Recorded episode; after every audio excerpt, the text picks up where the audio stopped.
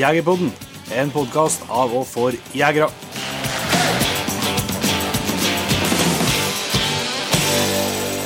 Hjertelig velkommen til en helt ny episode av Jegerpodden. Jon Ingevik, vi er tilbake i Trøndelagen igjen.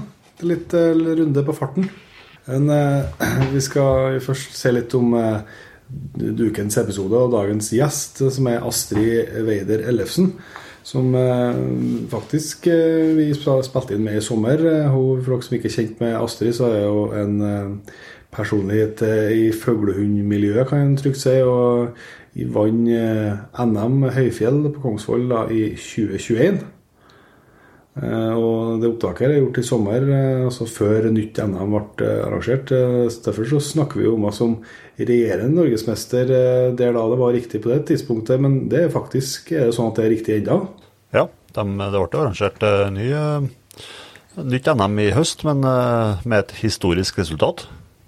Ja, det var ingen som av prøvene hundene i finalen som klarte å oppnå det som krevdes for premie i VK. Så da ble det rett og slett ikke kåra noen ny norgesmester. Eh, Etter ikke jeg forstår, det, så er vel det første gangen.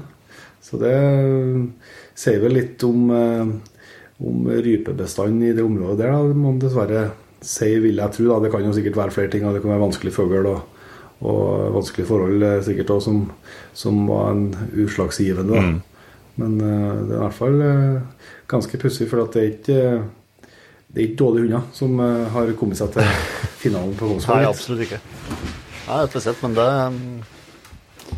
Den episoden er jo uavhengig av det, så er jo den episoden å prate med Astrid eh, veldig, veldig informativ og, og bra. Og det, det deler fritt av sin kunnskap. Ja.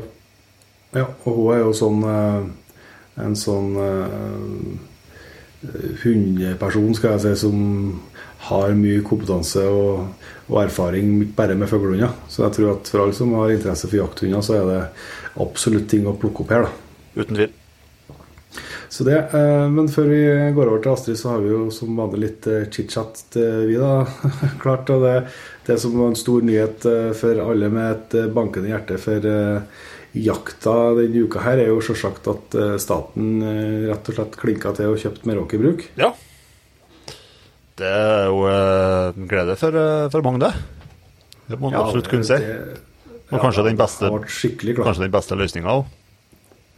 Ja, det er jo, så vi vet jo ikke noe selvsagt, vi er, da, hvem som andre som var med i den budrunden, for å kalle det det. Men uh, det er i hvert fall uh, liten sjanse for at det er noen andre der som garanterer allmuen tilgang uh, på den måten som staten gjør. da. Nei, altså for, for hver enmanns som ønsker, ønsker jakt og, og fiske, så måten som Statskog opererer på, er jo det, er jo det en kjempefordel at de gikk inn og kjøpte. Eller var er vant jo- budet, kan en si. Man fikk, ja, og, det er jo det største altså, Det er jo 1,3 millioner mål. Ja. er jo eh, Det er så stort, det. betydelig. Ja, det er helt enormt. Så, så, og så har du eh, altså 94 eller hva det er av Meråker kommune. Mm.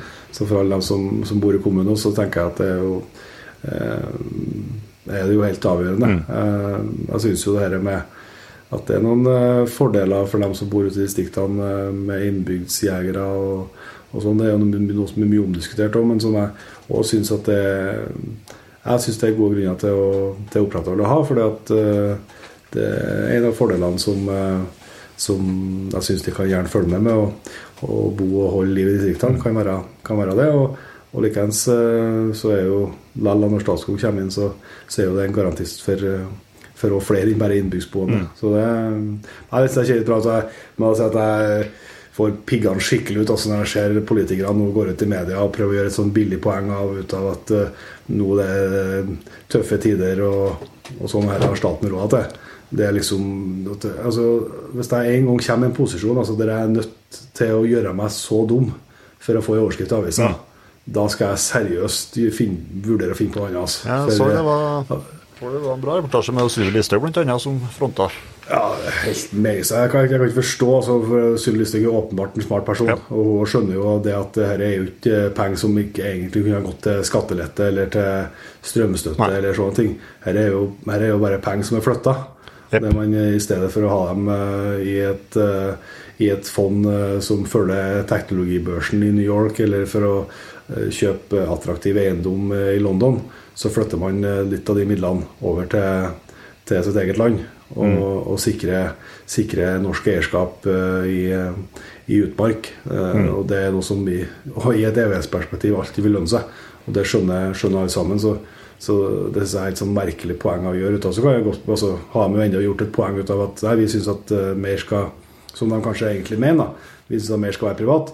Så er jo det et, eh, det er jo det et standpunkt å ha. Men da må man i hvert fall ta det standpunktet, og ikke late som at eh, liksom prøve å gjøre noen billige poeng ut av det, som er et eh, kjøp og et verdivalg gjort for generasjoner fremover. Nei, altså må man jo, må man jo virkelig tro at,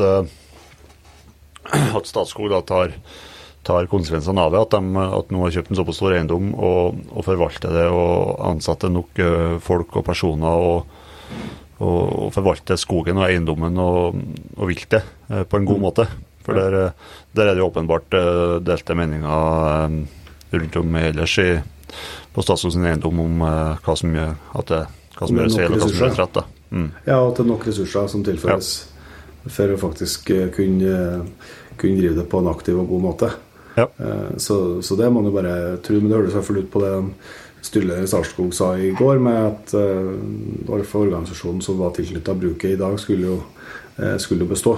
Ja. Uh, Sånn at det får noe tro på. De var jo og ønska å kanskje flytte enda mer ressurser og, til, til det området. Så nei, det syns jeg var en, var en, gledens, en gledens dag. Nå har det blitt allerede solgt langt over en million mål som der Statskog ikke var på ballen i, i Trøndelag siste årene. Så Mm. det var artig at, eh, at det klaffa i gangen her. Ja. ja og, det- det, og ikke minst å forhindre at det havna i, i det utlandet. Ja, det er det som var den største bekymringa hos Ja. etter mine da. Det må jeg mm. si. Altså, det, er det er sikkert at en merker en stor forskjell liksom, eh, eh, over natta framover tilbake, men, men det prinsipielle er eh, kjennes jo her er mye rettere. Ja, og så er det, som eh, som jeg kan sitere deg på, så det, det er det er én ting som er helt sikkert. Det er at også har, hvis du har råd til å investere i utmark, er slettes ingen dum idé.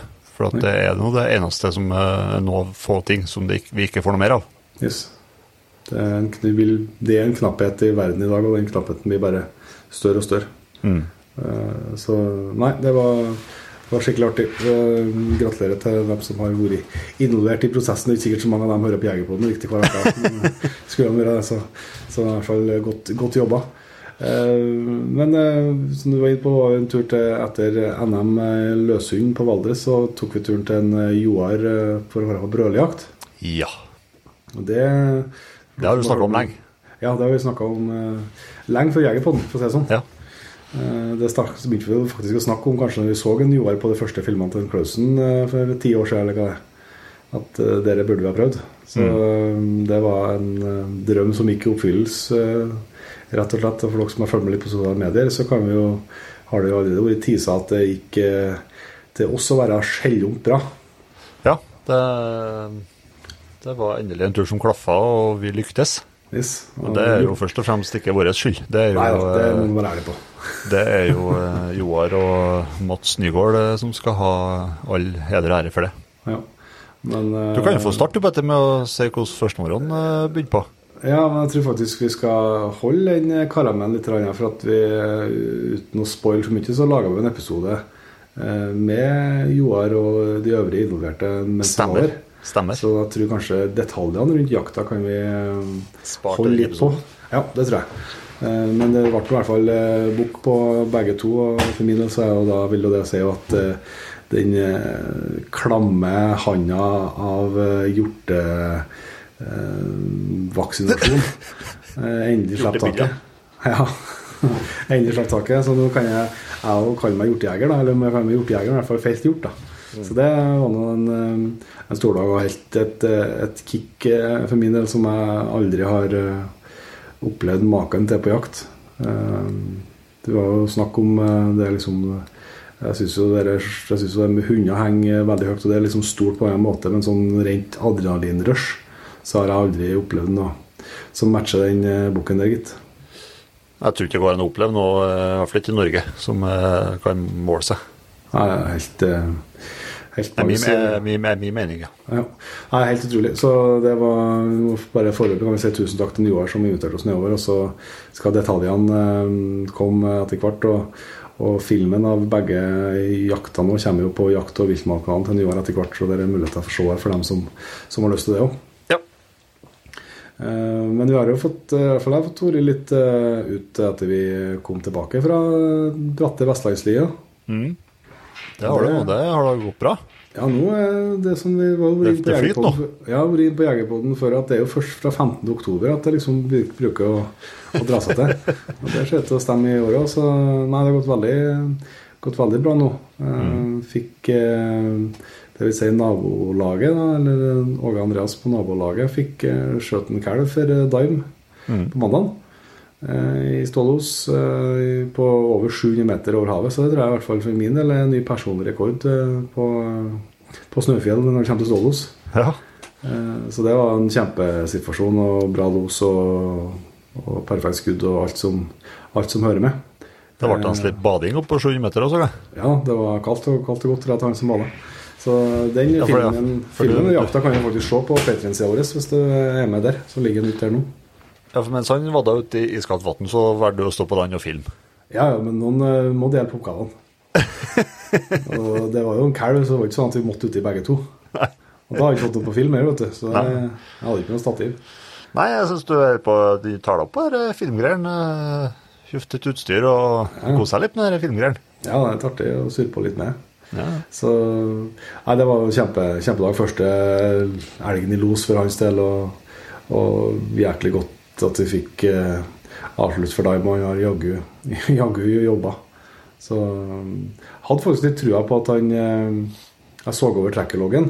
For vi hadde litt dialog underveis på dagen, vi òg. Han tok jo først ut en elg eh, som det ble stålås på som, en stund, som, og så gikk det løst, og så ble det, ble bare springinga. Og da trodde jeg jo Eller han gjorde det, at etter x antall kilometer så ga han seg på den elgen og tok baksporet. Da ble jeg jo så glad. Ja. Eh, men så da jeg så over trekkerloggen, så så jeg at på Turin, den eh, dalen, så eh, går han av, og så går han oppå en liten kul. Så står han oppå den kulen en stund. Ja. Og så går han ned og fortsetter etter den elgen som bare ville springe. Og så fortsetter han et par, par kilometer til, og så snur han og tar baksporet. Men der han går av baksporet sitt det er jo oppå den haugen. ja. Så han merka nok de elgene på Turin. Og fant at eh, Det var bedre sjanse å prøve på dem. da Så det var ikke, Men det kan jo forhåpentligvis så kan han lære litt av det. At han eh, tenker det til senere ganger at det kan være lurt å prøve å finne en ny elg istedenfor å springe etter den som bare springer. Ja. Men eh, nei, det var skøy. Og så er jo et eh, Alle som har, har Det er jo ikke bare vi og ingen som jobber med unger i høst. Det er sikkert mange av Jegerpoddens lyttere. Og da vet vi jo at det kan være en både berg-og-dal-bane når det kommer til følelser. Og i hvert fall i min verden så er når det ikke funker sånn som du håper, så tar det veldig mye av tankekraften. da eh, brukes på det og spekulere på hva er det som er greia. og Jeg har jo snakka om det tidligere, at eh, Rex eh, har jo skjelt bra på både bjørn og gris og, og sånn, men jeg liksom ikke syns det har vært helt i farten når det kommer til elg. Jeg har liksom ikke skjønt hva det har hengt i, som jeg har prata med, med de flinke folkene som jeg kjenner rundt meg, som eh, har mer erfaring og fått tips og liksom at jeg bare lar den få litt tid, så, så løste det helt sikkert. Eh, og nå har han hatt to slipp på det som har, den har gått veldig bra. mm. Og sist nå når jeg slapp den på tirsdag her, så gjorde han seg en liten runde rundt meg, og så la han ut opp i fjellet og fremover lia og tok ut elg på jeg tror det ble på 1,7 km. Ja. Nå var det en springelg, eller om det var han som jager veget, så springer eller at det er elgen som jeg var en springelg, det vet jeg, vet jeg ikke om, da. Men uh, han ble, hang i hvert fall på uh, mer enn langt nok på den. Mm. Så Når en holder på med hunder, så er det faktisk ikke noe mer en skal forvente. Nei, nei, nei. nei. nei og det, og det, altså, det er så vilt å se. Dere hører jo om det og vet at det ofte så skjer det. Men det er så, når det akkurat det knekket kommer Det kan sikkert gå til helsike neste gang. vi slipper liksom, det er på, på ingen vis ferdig, men, men, eh, men liksom det knekket kommer, at eh, det går fra at du føler at det her er bare stanger ut, at det ikke er noe, til at det plutselig så, så er jakta her. Ja. Det er, ja, det er både rørende og artig og det som er, altså. Så det, nok en gang viser jo at det bare, som så ofte før, det er bare tålmodigheten som skal til. Mm. Og kanskje rette, rette sjansen. Da. Så nå eh, får vi bare tro at vi klarer å eller at han rett og slett klarer å finne seg en elg som er på, er på lag, så at det går an å kanskje få felt før nå. For jeg tror i hvert fall at eh, Jeg tror i hvert fall han er, er mer enn klar nok sjøl. Det kan jo løse allerede til helga, det, for eh, vi får jo besøk av to av våre fantastiske patrions til helga. Yes, det Som, er eh, dukket for årets Pedrin-jakt. Yes. De som vant premie på, på tidlig tidlighøsten her, og Vi trakk ut i juni, gjorde vi ikke? juni var? Ja, det. Mm, juni tror jeg vi trakk ut.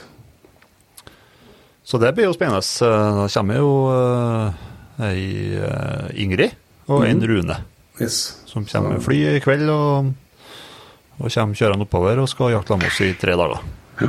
Så det får vi nå se på at vi i hvert fall får til noen spennende situasjoner. Vi har da noe- vi har da noen elger igjen og, ta av ennå, så det skal være, skal være sjanser, tenker jeg. Det tror jeg absolutt. Men det er bestandig spennende når det kommer oppover. Vi har, jo, vi har hatt eh, en sånn tradisjon og hatt med oss eh, noen av våre patriens eh, skal jeg si, på jakt i over flere år nå og trukket ut og sånn. Og, og det er jo veldig artig å både bli kjent, bli liksom kjent med nye folk, og så er liksom sånn helg som dere er jo intensiv, og, og da blir du liksom veldig godt kjent her på kort tid. Ja, det blir det. Absolutt.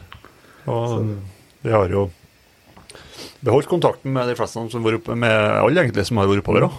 Ja.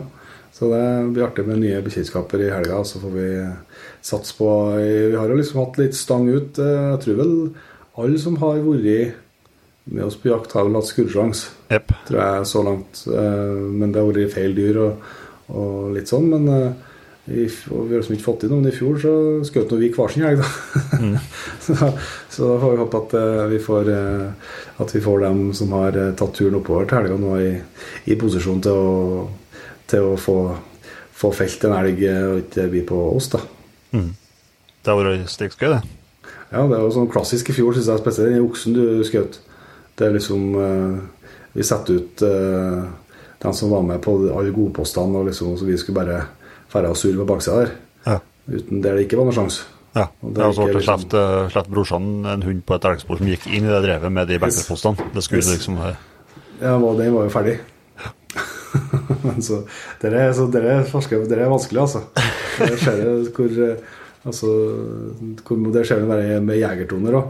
Ja. Kan ofte bli feil til oss mm. der vi har to, fire jegere, og så har vi to, to kamerafolk. Og det vil jo si at vi må sjanse litt og prøve jo ofte å, å sette, sette opp eh, kameraene der vi mm, der både vi eller de kjentfolkene vi er med, har mest trua. Men det er jaggu ikke bestandig det klaffer, det, gitt. Det slår feil. Ja, det er det. Så det. Nei, men eh, da har vi i hvert fall fått uh, fortalt litt om uh, disse tida for oss. Og så skal vi jo bare slippe til Astrid, tror ikke jeg? Det tror jeg. Spenn dere fast og lytt. Da har vi gleden av å ønske Astrid Weider Ellefsen hjertelig velkommen til Jegerpodden. Takk, takk. Her, her eh, skal jeg fortelle, Astrid, her har vi gleda oss til lenge. Det er jo ikke eh, det er jo på ingen måte hver dag av Jegerpodden at vi har gleden av å ha med oss eh, en regjerende norgesmester, så det skal vi komme tilbake til. Men før vi går inn på det her i virkelig indrefileten eh, om resultatene her, dette, Astrid, kan ikke du starte med å fortelle litt om deg sjøl? Jo, litt grann, eh, kort. Jeg er eh, oppvokst på Lillehammer. Eh, og gikk på Ås, på gamle Landbrukshøgskolen på Ås. eh, som ble et universitet når jeg gikk der. Jeg gikk på økonomi der, så jeg har en mastergrad i økonomi der. Og der traff jeg mannen min, som var odelsgutt, og som hadde gård på Vestlandet, på Haugalandet, innafor Haugesund. Eh, Så da flytta vi dit. Og nå bor vi her. Har vi bodd her i elleve år. Og driver med sau. Og har 200 ca. vinterfôra sau. Og så driver jeg med hund og hundetrening.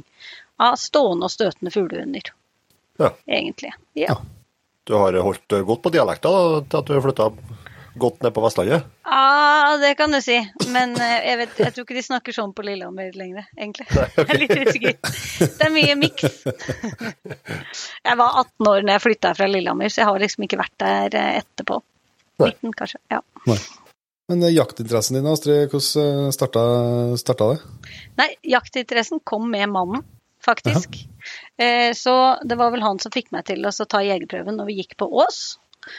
Eh, og så dro vi jo hit til gården da, noen eh, somre og, og høster, og da, da hadde jeg noen eh, Har jeg jo skjønt i ettertid noen helt fantastiske opplevelser. Da først så var jeg med han på rådyrjakt i eh, august og var med på bukkejakt. Og da gikk vi 20 minutter, og så satte vi oss på en haug. Og jeg husker det veldig godt. Satte på en haug, og så brølte han, og så kom det en bukk, og så skøyt vi en bukk. Og så tok det hele en halvtime. Og så, og så var jeg med i hjortejakta. Eh, og da begynte den 10.9. hjortejakta her. Og da var vi og sneik. Og da gikk han Da var vi to stykker og sneik. Jeg fatter ikke hvordan det gikk, men han sneik, og jeg gikk liksom bak og skulte. Og så gikk vi en sånn 40 minutter, og så traff vi en bukk. Og så skøyt han en bukk på ja, den sto på 15 meter, tror jeg. Og så dro vi den ut igjen. Og da, da vet du, hvis det skulle være så lett å jakte, så Så da ble jeg egentlig heltent. Ja. Eh, og ordna på. Så eh, det, var, det var det som Det som vekka jaktinteressen. Ja. Og så skjønte man jo ganske raskt at det, det var ikke helt sånn det var. Men Det da Det var ikke så lett. Nei, det var ikke så lett. Men da var det liksom gjort. Da var jeg bitt av Ja. Mm. Men har du eh, fortsatt med, fortsatt med rådyr og hjort, eller? Ja, eh, det har jeg egentlig. Nå etter at vi fikk små barn, så har jeg ikke skutt opp på noen år. Jeg tenkte jeg skulle skyte opp i år, men eh, da, da blir det mer at jeg går med hagle, og så går han med rifle. Eh, og så, ja, så deler vi jakta litt. Det, Ja. det er litt tett en periode med småbarn. Det er klart. Man prioriterer litt. Husker du noe av det første viltet du felte? Ja, første viltet jeg felte var jo en hjort. Ja. En boks, og da på bøen her, så jeg lå i låven og skøyt. Eh, Jeg husker jeg var så nervøs, og han kom foran og sto med breisida til.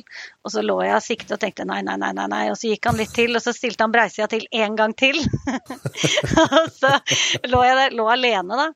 Eh, og så tredje gangen han stilte breisida til, så tenkte jeg at nei, du, dette er meant to be. så det var det første viltet. Det var eh, Kontrollert og fin situasjon, da. Veldig fin situasjon for en førstegangsjeger. Veldig fin situasjon. Eh, og veldig greit skudd og innafor, jeg vet ikke, han sto på 70 meter eller noe sånt nå, og alt i orden og lett å gjøre opp etterpå. Så det var helt kjempefin vei inn eh, som jeger. Ja.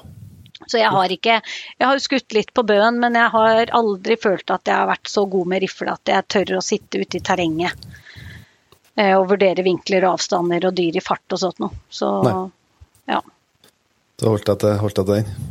ja. Men eh, vi er jo litt sånn nysgjerrige at, eh, Astrid, på eh, hva som befinner seg i våpenskap og sånn, da. Ja. Det befinner seg ufattelig mye rart i våpenskapet vårt. Jeg måtte inn og se, siden det sto på lista.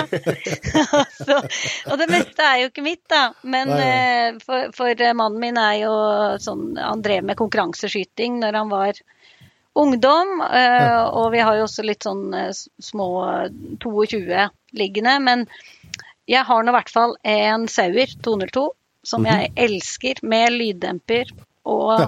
skumringskikkert, som vi liker å kalle det her. Ja. Eh, som er eh, Den er vel Nei, den treffer det meste. Ja. Trygg og god og fin og 6,5 ligger og Nei, den er jeg veldig, veldig glad i. Så det eneste som er litt vanskelig med, med lyddemperen, er jo når du skal skyte opp, da, for da blir det litt blurrete etter hvert. Ja, det blir litt varmt, ja. ja. Men eh, ellers så er den lyddemperen helt gull.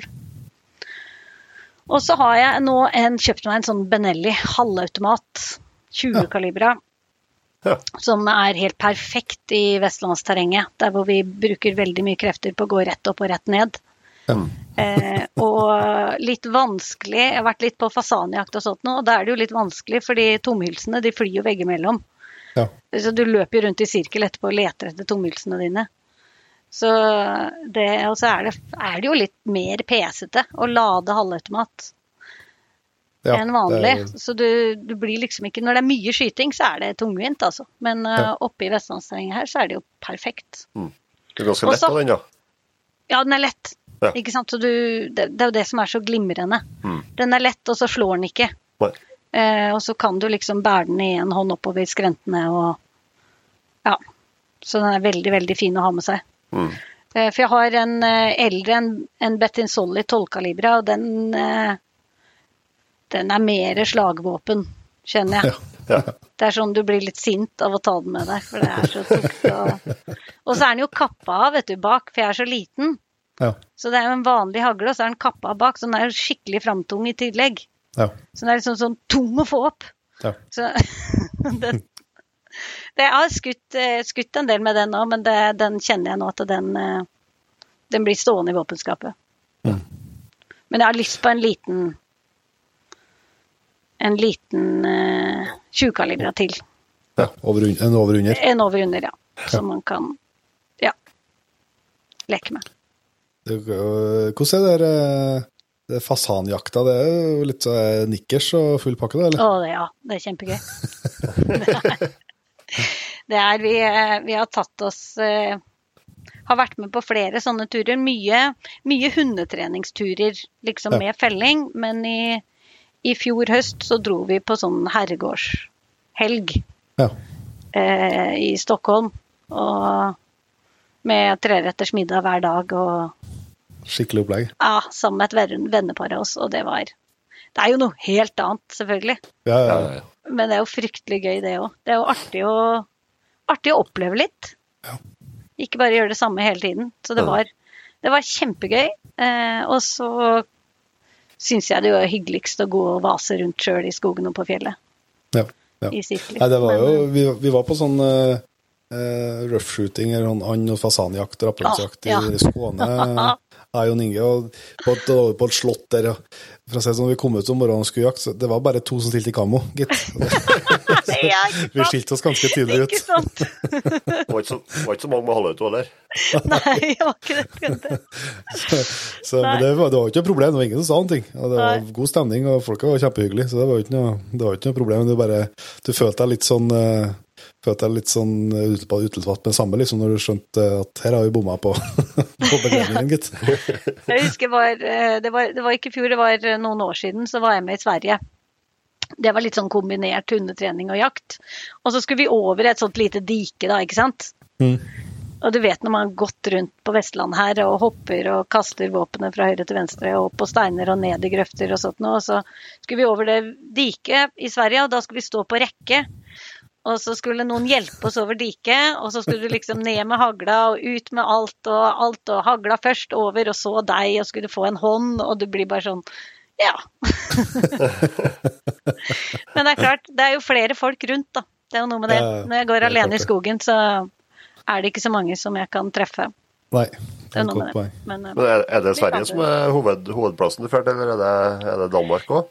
Jeg har vært i Danmark òg. Ja. Jeg har vært med venninner på, på litt sånn uh, venninnetur. Ja. Og jakt og trening i Danmark. Det har også vært utrolig hyggelig. Det er eh, det, det som er så fint med sånne jaktgjenger, syns jeg. Da, for jeg, jeg var jo med i den klubben som heter Rypejentene når jeg bodde på Østlandet. Eh, og da, det er jo en jaktforening bare for jenter. Og når jeg var med, i hvert fall, så var de veldig flinke til å ta med nye medlemmer og nye jegere ut. Og det der å være på tur med eh, damer av forskjellig alder, liksom, fra, fra oss på 20 år, som jeg var da, og så til pensjonister eh, med ulike typer hunder og ulike typer mål. Og så kan alle ha det hyggelig sammen med samme ting. Det var noe av det som jeg kjente at det, det liker jeg veldig godt med jakta. At det er så samlende, og at det er så felles, uavhengig av både, ja, både kjønn og alder og yrke og erfaring og utdannelse. Altså, man kan ha det hyggelig med alle. Ja, det, det, det, det tror jeg må være helt unikt. Altså, så, så, hvis du er i helg og jakter med noen, så at du bor på ei hytte eller en plass sammen, og, og du spiser noe måltid i lag og jakter i lag på dagene, så føles det som du kjenner en person bedre etter ei helg liksom, enn noen du har vært kollega med i, i fem år Ja. og treffer nesten hver dag. Mm. Det er en helt utrolig sånn, og så er det som du sier, det med ja, Det plutselig betyr ikke verken yrke eller alder eller eh, noe som helst. Liksom det, da er, man ute på jakt i lag og alle jegere. Mm. Og så har man liksom den felles, eh, felles interessen i bunnen som gjør liksom at, eh, at du kan Ja, du har et, et samla språk og en samlende interesse i, i byen som gjør liksom det sosiale så mye, så mye enklere. Men eh, vi har jo begynt å tise litt nå, at det er jo Vi har jo snakka litt om, eh, om hjort og rådyr òg, men det er jo eh, fugl og fuglejakt som er det, det store Hvordan her interessen for uh, fuglehunder kom inn i, i bildet for din del, Astrid? Nei, jeg er jo, eh, jeg er jo egentlig hestejente. Så jeg har jo drevet med hest og hadde mye hest eh, når jeg var yngre og når jeg studerte. Og så skulle vi flytte til Vestlandet, og da Eller før vi flytta til Vestlandet, så skulle vi kjøpe oss hund. Og da ville mannen min ha svart elghund. For han ville ha noe han kunne bruke på hjortejakta. Og så ville jeg ha hund jeg kunne slippe løs. Det var liksom mitt kriterium da. jeg er jo oppvokst med hund, men jeg er jo ikke oppvokst med jakthunder. Jeg er ikke oppvokst med jakt, så jeg, jeg kunne jo ingenting om det. Men så endte vi opp med Münsterlender, da. Ja. For det fant vi ut, som det står i alle bøkene, den kan du bruke til alt, vet du. Så den var fin. Ja, ja. Eh, og da eh, er jo jeg litt sånn som går, går litt sånn all in i det jeg gjør.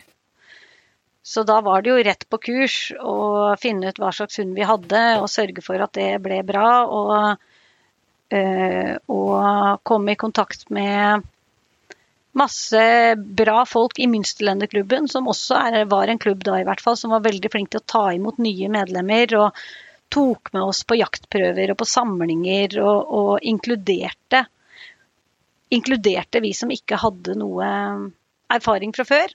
Og det gjør jo at det er gøy å være med, da. Når erfarne folk ser deg, og erfarne folk syns du liksom får til og syns det er gøy at du er med. Eh, Så da fikk jeg min første premie en andre uka på den Münsterlenderen på Dovre. Og da, da var det gjort da òg, så da var det det jeg skulle gjøre resten av livet. Så, og da, da var det ikke så vanlig å få premier på høyfjell spesielt, da, med Münsterlender. Så da var det mange som var imponert over det, at jeg hadde så god hund. Så da fikk du litt ekstra, ekstra sprut for det, da. Ja. Eh, og så begynte jeg bare å bruke all min tid på hunden. Og vi, vi bodde i Oslo, og vi tok jo vi, Det er jo galskap, vet du. Vi reiste jo hver helg til treningsterrenget oppe på Trysil, oppe på Gordon Castle, kunne kjøpe, kjøpe treningskort. Ja. Hver helg, hele vinteren, dro vi der. Stakkars hunden. Og var ute til Jeg husker en gang, da, da streika hun. Da sto hun 300 meter fra bilen og nekta å gå lenger, så vi måtte gå tilbake igjen og hente henne. Det er, ikke sånn jeg hadde gjort i dag, men det ble, det ble en veldig bra hund av det. Hun fikk, ble veldig, veldig godt premiert i alle klasser og var en vanvittig viltfinner. Ja. Kjempehund. Eh, og, og en sånn hund som du kunne gå på prøve med, og så ikke være redd for at det skulle skje noe feil. Nei. Hun gjorde alltid jobben sin, eh, og hun gjorde den godt. Så, Det er jo helt ut- Det er Ja. jo helt utrolig hva man, hva man lærer av den første, hva, mye man lærer av den første jakthunden. Ja. Og det er så viktig at den første jakthunden er liksom tilpassa deg. Ja. For det er da du får det er da du får lyst til å fortsette. Mm. For jeg er helt sikker på at hvis jeg hadde fått Neon, som det er den engelsksetteren som vant NM, hvis jeg hadde fått den som første hund, da hadde det blitt med den, altså. Ja. Ja. For det hadde vært altfor mye hund for meg da. Ja. Så, så det å få noe som få noe som jeg kunne håndtere, og få noe som jakta greit, og få liksom noe som funka, og som tok stand, og som gjorde jobben, ikke sant. Det er så alfa og omega. Ja, og så hvor mye, hvor mye tid man hvor mye tid man legger ned på den første hunden. Ja. om, eh, Ja, ja, ja. ikke, som, som regel så er det jo før man får unger. og Ja, ikke det sant. Liksom, man bruker all, all fritid og alle tid og ressurser på, på den hunden. Ja, ja, ja. Jeg husker når vi fikk flere hunder. Hun var, hun var jo eneste hund i ja, var hun eneste hund i tre, fire, fem, fire år, tror jeg kanskje. Det var mellom henne og neste. Og så fikk vi flere hunder, og så lagde vi hunderom. Eh, Med sånn gitter, så kunne hundene være på hunderom. Og da husker jeg hun så på meg med sånn tydelig blikk som bare Ja, men så flott, så kan vi andre være i stua. Det var, var tydelig ikke hun som skulle bo der, men var veldig praktisk å få vekk de andre. Så- Veldig behagelig. Ja. Men hva greide du å sette ord på hva liksom det er som gjør den fuglejakta, eller fuglehundjakt med fuglehunder, for å si det, du har jo eh, etter hvert støtende hunder, hva er det som gjør den jakta så spesiell for deg? Jeg tror jeg kunne Jeg tror jeg kunne jakta Jeg tror jeg kunne hatt det bra, eller gøy, med alle typer jakthunder. Ja. Men jeg vet ikke om jeg hadde jakta så mye hvis jeg ikke hadde jakta med hund. Nei. For det er noe med samspillet som jeg syns er helt fantastisk. Det der å, det der å kunne bruke hunder eh, og trene hunder til det de er designa for. Mm. Eh, og det å kunne gi de Være den som gir de opplevelsene som de egentlig har lyst på, Ja. liksom. De er designa for å løpe i fjellet og finne fugl, eh, og det å være den som kan gi de det, eh, og som kan få til et samarbeid med de på den måten, det er eh, Det syns jeg er helt fantastisk. Mm. Og det er Jeg jakter jo ikke for å felle, jeg jakter jo for å få de gåsehudopplevelsene i fuglearbeidet og i fellinga. Mm. Det så- stemmer. ja, ja, det er jo noe helt uh, ufattelig flott med det. Og jeg, jeg hørte jo Jeg husker ikke hvem det var, men dere hadde en veldig flink svarthundfyr hos dere for en god stund siden. Eh, og når jeg hørte han beskrive hvordan han brukte hundene sine, og hvordan han trente hundene sine, så kjente jeg oh, det, det hadde vært dritgøy å få til det. Han, han beskrev så fint hvordan han fulgte spor, og hvordan han kunne sette igjen hunden og gå frem og skyte. Eh, og, og hele det samspillet med den hunden som jeg syns var Nei, da, da var jeg rundt og googla hvor jeg kunne kjøpe sånn, rett og slett. Så jeg tror, jeg tror ikke det er så mye fuglehunden eh, i seg selv. samspillet. Det er bare hunden, ja. Ja. Eh, og så er det Det er jo noe med disse stående fuglehundene spesielt som jeg syns er veldig fint, og det er at de er relativt avbalanserte og gode familiehunder. Mm.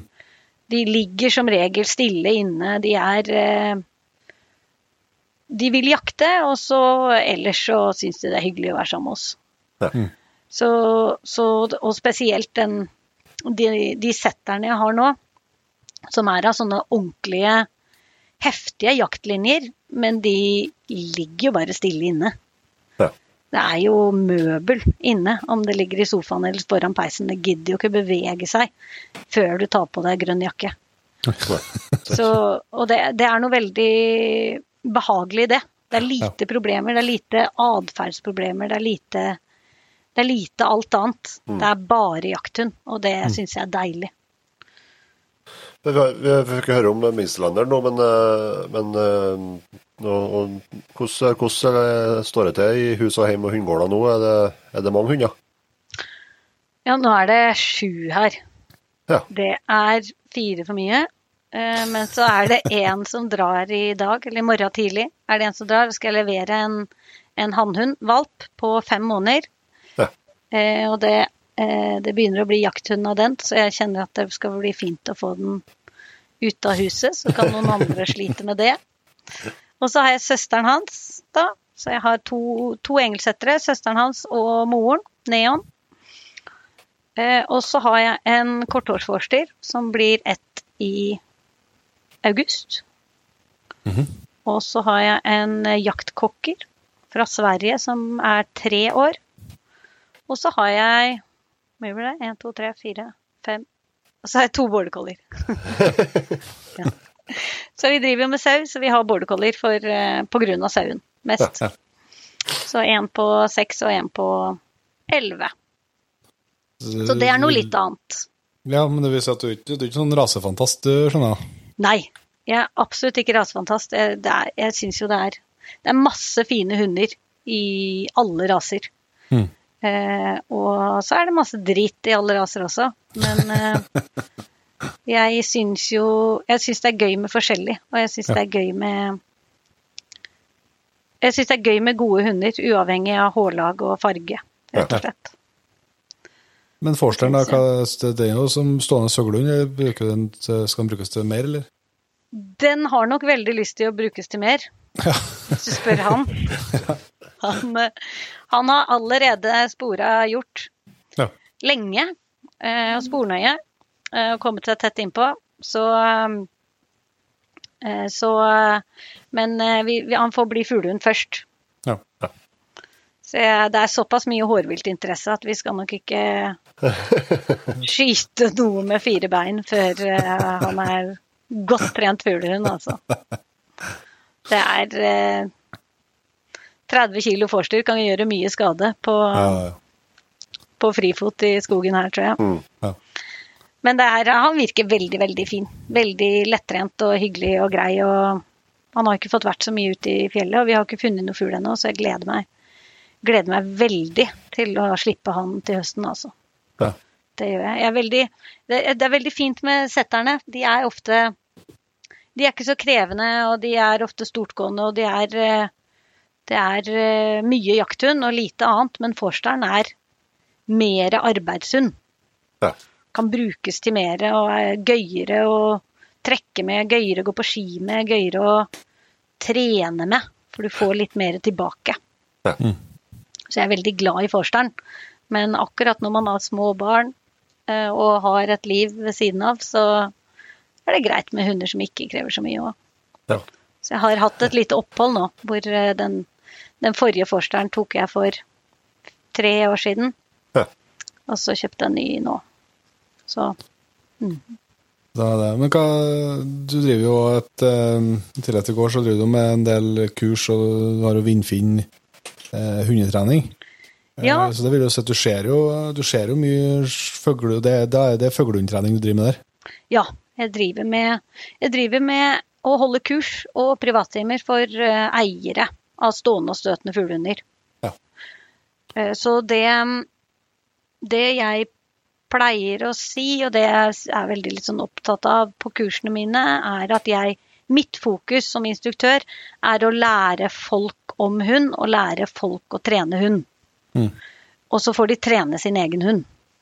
Ja. Så på mine kurs så gir jeg absolutt ingen garanti for at hunden blir noe flinkere, eller at hunden kan noen ting etter at kurset er ferdig, men jeg vil at folk skal i hvert fall ha fått litt nye ideer. Og litt nye øvelser og teknikker å jobbe Ja. med når de kommer hjem. Ja.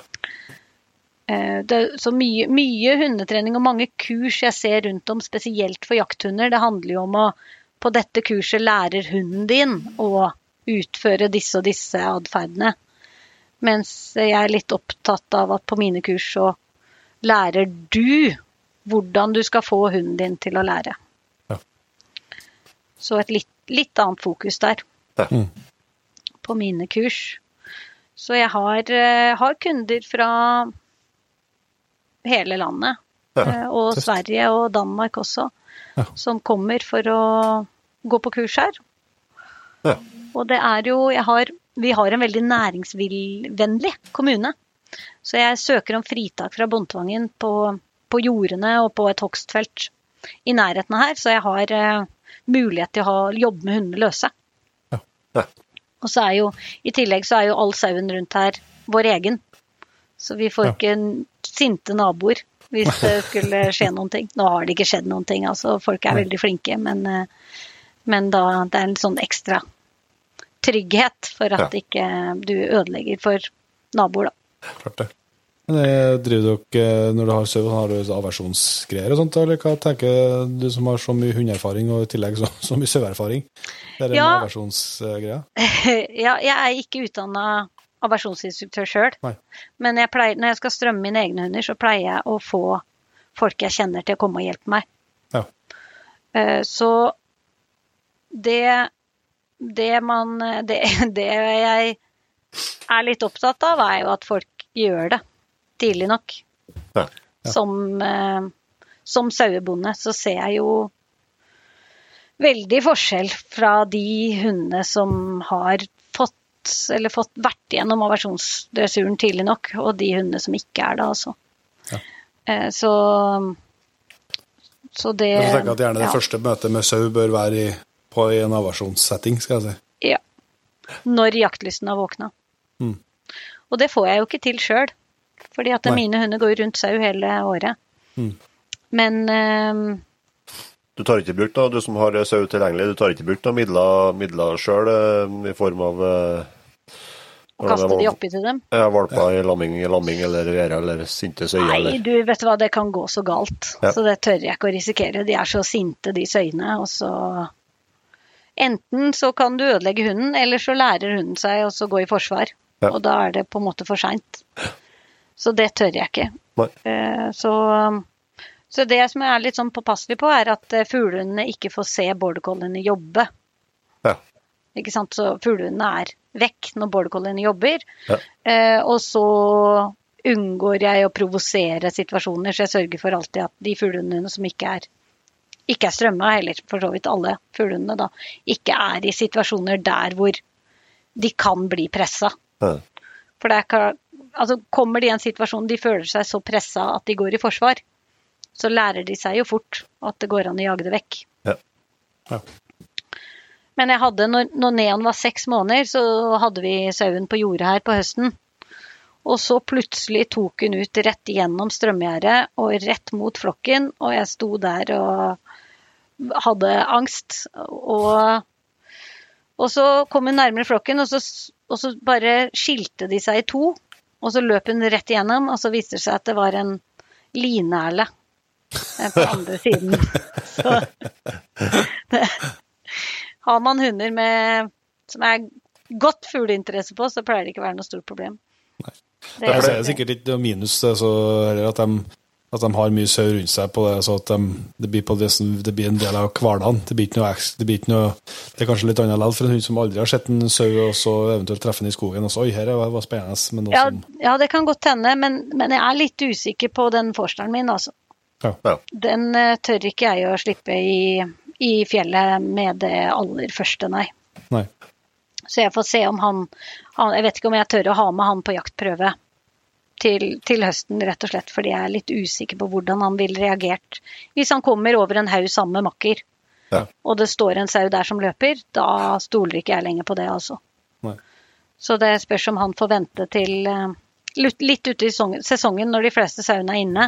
Mm. Eller om han venter helt til vintersesongen og må gå prøver. Ja. Ja.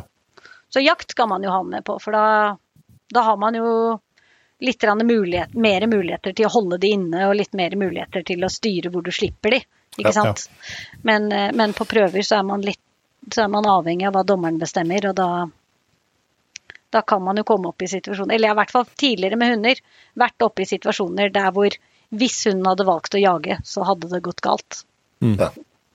Og det har jeg ikke lyst til å komme opp i med han, som er Nei. så svær og så mye hårviltinteresse. Nei. Men, eh, men opplever jeg at Jeg har en oppfatning at uh, fuglehunder, spesielt settere, kanskje da er forholdsvis uh, enkel å få, å få sauerein. Deler Ja, du det- den oppfatninga? Ja, det tror jeg, og det, det tror jeg fordi at de jeg tror, fordi, Hvis du gir de valget mellom vil du jakte fugl og ha det gøy, eller vil du jakte sau og ha det vondt, Ja. så er det et veldig enkelt valg for de fleste settere. Ja.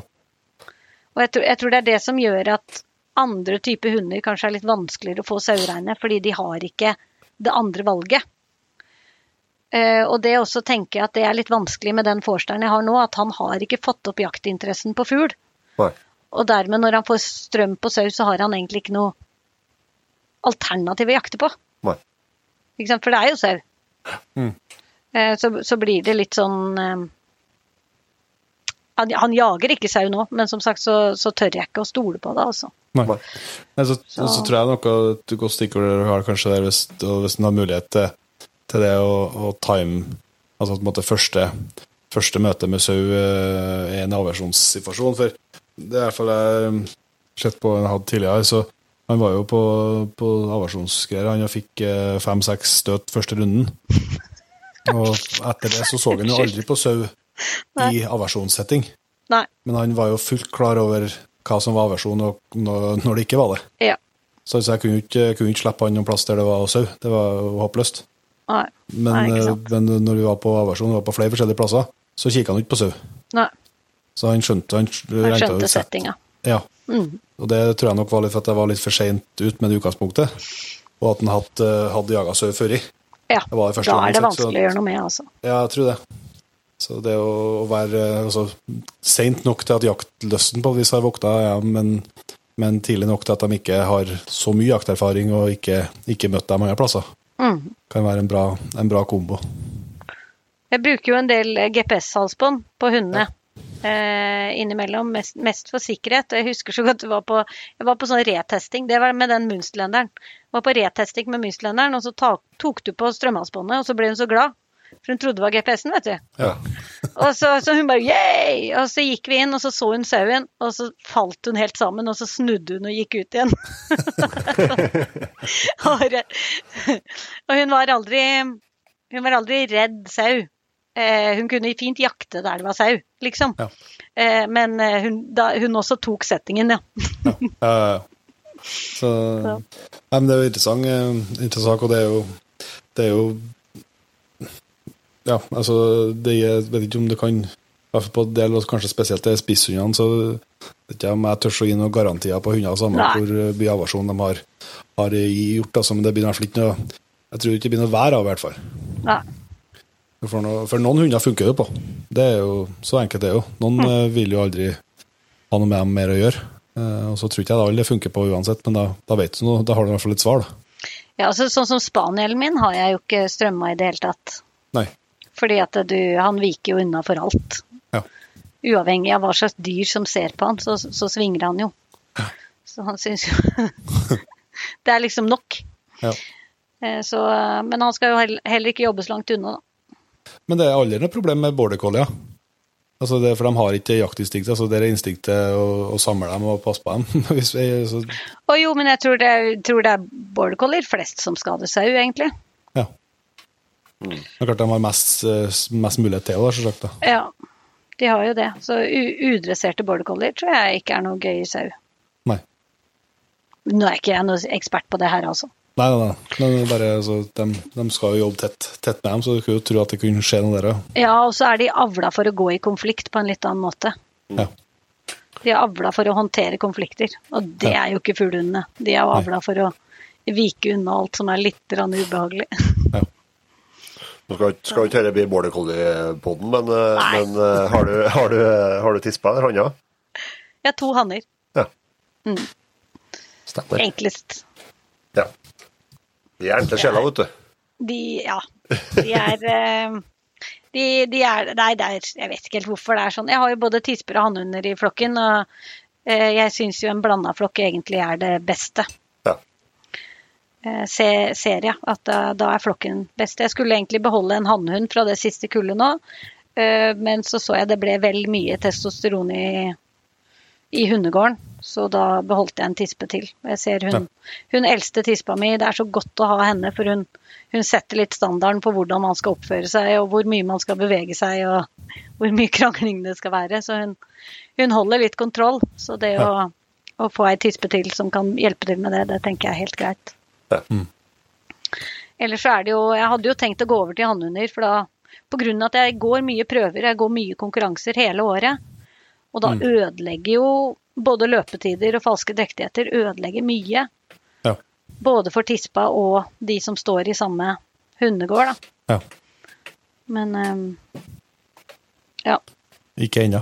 ikke ennå. Nei.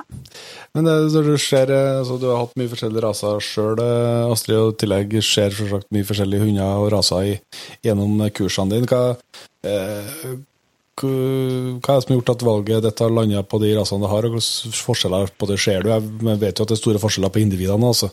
Men eh, hva, hva kan du si liksom, du ser imellom eh, stående fuglehunder? Åh, ja, det er vanskelig. Det er vanskelig å si noe om, for det er på en måte større forskjeller mellom individene enn det er mellom rasene. Ja. Eh, og nå er jo jeg såpass heldig at jeg eh, jeg får, jeg får jo ofte lov til å kjøpe valp fra de kullene jeg ringer på, fordi at man har jo etter hvert litt, litt resultater å vise til, og da er jo folk interessert i at i hvert fall en del av valpene skal komme til, til hjem der hvor de vet de blir vist frem, da. Mm. Eh, Så, man, så jeg kommer ganske langt frem i køen uh, når det gjelder de valpekullene jeg ringer på. Og hvor, altså hvorfor jeg har Hvorfor jeg kjøpte Neon. For før Neon så hadde jeg jo Gordon-setter, og jeg hadde korthåra forster, og jeg hadde mynstlender som stående fuglehunder. Ja. Og hvorfor jeg kjøpte Neon, var fordi at jeg hadde lyst til å hevde meg i VK og, og vinne konkurranser. Ja. Så da kjøpte jeg hund fra den oppdretteren rett og slett som hadde mest resultater. Ja. Så jeg kjøpte ikke fra kullet, jeg kjøpte fra oppdretter. Ja. For det er jo litt av bakdelen når man driver med mange forskjellige hunder, er jo at man har jo ikke kontroll på linjer. Nei. Det må man jo stole på at andre har. Mm. Man kan jo klin umulig sette seg inn i linjene til alle mulige raser man har lyst til å kjøpe. Så, så det jeg har eh, Min strategi er å kjøpe hunder fra gode oppdretter som har resultater i mange forskjellige kull. Ja. Og så si hva jeg vil ha. Og så pleier jeg å få det jeg ber om, rett og slett. Ja. Og så kan jeg skylde meg sjøl hvis jeg har bedt om noe feil. det, det er jo ikke alltid man vet hva man vil ha. Eh, og så ber man om noe man egentlig ikke vil ha. Så, da, så jeg ville ha en hund som kunne vinne de store konkurransene, og det fikk jeg jo juggu meg. Ja, du Men har, det har vært må- du har jo truffet. Det har jeg truffet, ja. Så Ja. han ga meg akkurat det. Men det har vært mye svette og tårer og blod på veien. Altså mye hyling i fjellet. Det er Har, du, har ja. du premiert, eh, jaktpremiert alle fuglene du har hatt, eller? Ja. Ja. Ikke disse som er under ett år, da. Nei, De ja, jeg skjønner. Men, eh, men, ennå, men, men, men det, det du har hatt tidligere. Ja. Alt annet er jaktpremiert. Ja, tøft. Det er, eh, jeg er vel et sånt konkurransemenneske. Jeg syns det er gøy. Vise frem. Eller egentlig syns jeg det ikke er gøy. Egentlig syns jeg det jeg er veldig glad i å vinne. Men jeg er ikke så glad i å Ja, jeg er ikke så glad i å konkurrere. Hater å konkurrere, elsker å vinne. Så det er vel Eh, Høres Dårlig det høres- høres ganske kjent ut. Ja. Så, men, men. Men det er, eh, vi må få ta oss med litt det. da. Du har jo noen helt fantastiske resultat. eh, Astrid, du, som jeg var inne på helt innledningsvis, så er du jo regjerende norgesmester. Hvordan, eh, Ja. hvordan er det å komme til en NM-finale? Altså, Når du jobber så mye med hundene som, som du åpenbart gjør, og legger så, så mye, og så kommer liksom eh, muligheten til å gå NM, og så kommer eh, muligheten til å få lov til å bli med i finalen. Hvordan, eh, hvordan føles det? Det føltes veldig rart. Det føltes eh, veldig ut som jeg ikke hørte til der, egentlig. Eh, for det er jo noe med, noe med fuglehundsporten som jeg, tror- jeg tror kanskje alle sånne jakthundsporter, det domineres jo av trøndere. Må jeg jo innrømme. Det er veldig mye trøndere med jakthunder. Det er lov å si det. Det er mye jegere i Trøndelag òg. Så det er, det er mye trøndere på Dovre, altså. Det er det. Eh, og det er veldig få damer. Eh, og, og det er ikke bare det at det er mye trøndere, men det er jo mye folk med tunge ryggsekker når det gjelder erfaring og konkurranseresultater, ikke sant. Ja. Så du føler deg jo eh, både veldig ydmyk og veldig Man føler ikke at man passer helt inn, da. Nei. Jeg har ikke drevet så lenge, eh, og jeg har ikke gått så mange konkurranser, og jeg har ikke, jeg har ikke de resultatene som de gutta oppå der har. Eh, Så, så det er klart at man, man føler seg ganske Ja, man føler seg ydmyk og må få lov til å, å være med i en NM-finale, rett og slett. Og så er det jo sånn at folk er jo som regel veldig hyggelige, og øh, jeg har gått, jeg har gått flere NM-finaler både på lavland og skog med, med flere hunder. Og, det, og så har jeg alltid hørt liksom at øh, nei, når du kommer opp på Kongsvoll, der er det spisse albuer, og der vil folk vinne, og tutterutteru. Og det, det er klart det, alle som var oppå der ville vinne, og det er mye følelser, og det, øh, det, det går jo, er jo hett. Men folk er jo hyggelige og greie og imøtekommende og, og sier ifra om ting er bra eller Ikke sant. Det er overraskende hyggelig. Eh, og overraskende god stemning både, både i kvalifiseringa og semien og finalen, egentlig. Eh, og så Og så er det jo Det er jo noe med Jeg hadde fuglearbeid i første slipp. Og da er det sånn vidt jeg husker resten av dagen, for du går og har nervene utapå kroppen for hva som kan skje. Ja. Og det var så masse fugl, og det var så masse gode hunder, og hunder røyk ut i hytt og gevær, og det var, det var liksom bare Det er det, nesten det, det er felling også i finalen. Nei, vet du hva, det var ikke det i høst. For det var Nei. ikke De hadde stengt jaktstoppa der fordi det var så lite fugl. Ja. Så, så Men det ble ikke er det. felt. Vanligvis er det det, ja. Ja, ja, det er som er. Og det er jo, det er jo en del prøver ennå det er felling i finalene, men her i Sør-Norge så er det vel nesten ingen. Nei. Og, og det er klart at uh, man kan jo felle alt man vinner på jakt, og det kan jo gå bra, men du vet jo det når du kommer i en sånn setting, og kanskje greier å ta 50% rette avgjørelser på hva du sier til hunden når, så det, det er jo mange som har røket ved, ved å f.eks. få fellinger der fuglen ja, lander nær hunden da, og Ja. beveger litt på seg, f.eks. Mm. Og så ryker hunden Ja. Ja. Eh, før du har sagt noen ting, og så blir du kasta ut istedenfor å vinne. Ja. Så, så det er klart, eh, fellinger i så heftige konkurranser, det er ikke bare bare å være med på. Nei, det gjør jo de allerede små marginene enda mindre, ja. Ja, det er nettopp det, vet du. Mm. Og det er Er, er det noe krav til at den, den fuglen må, må dette på må, må, At du må treffe på et vis? For Nei. Å, nei. Nei, absolutt ikke. Det, hvis, du, hvis det ikke felles, hvis det er en, eh, en konkurranse med felling, da, så hvis det ikke felles, så blir det jo lagt ut fugl. Ja. Og da blir det jo lagt ut tørka fugl Mm. på setet, eller i retningen der hvor fuglen har flydd. Ja. Ja. Så det å, å felle, altså det å apportere skadeskutt fugl på kanskje 40-50 meter, da, ikke sant? Ja. Eh, Eller det å apportere tørka fugl Mm. 10 meter det, som noen legger ut, og da Mm. tar det enda litt lengre tid, ikke sant? Ja, ja, Det er ganske stor forskjell i vanskelighetsgrad ja, for en hund. ja. Klart det. Så, men det er jo litt sånn det med jaktprøver. Det er jo mye tilfeldigheter. ja, ja. Det er ikke alle som får terreng med fugl, og det er ikke alle fuglene som oppfører seg på en eksemplarisk måte. og Det, det er jo litt av gamet. Man, man skal Man skal ha flaks. Men når man har flaks, så er det jo viktig at man har trent til å håndtere den flaksen man får. Klart det. Ja, det, er jo, så det er jo sånn at de beste hundene vil jo som regel gjøre det best, men du, er, er du uheldig, så hjelper ikke hvor, hvor bra det er, nei. Nei. Og det er jo Det har jeg tenkt på mye, at det er jo fint at det er litt tilfeldigheter i denne sporten her. At det er litt Det handler litt om eh, hva slags hund du er, eller det handler jo mye om selvfølgelig oppdretter og hva slags hund du har. eh, og det handler mye om tilfeldigheter.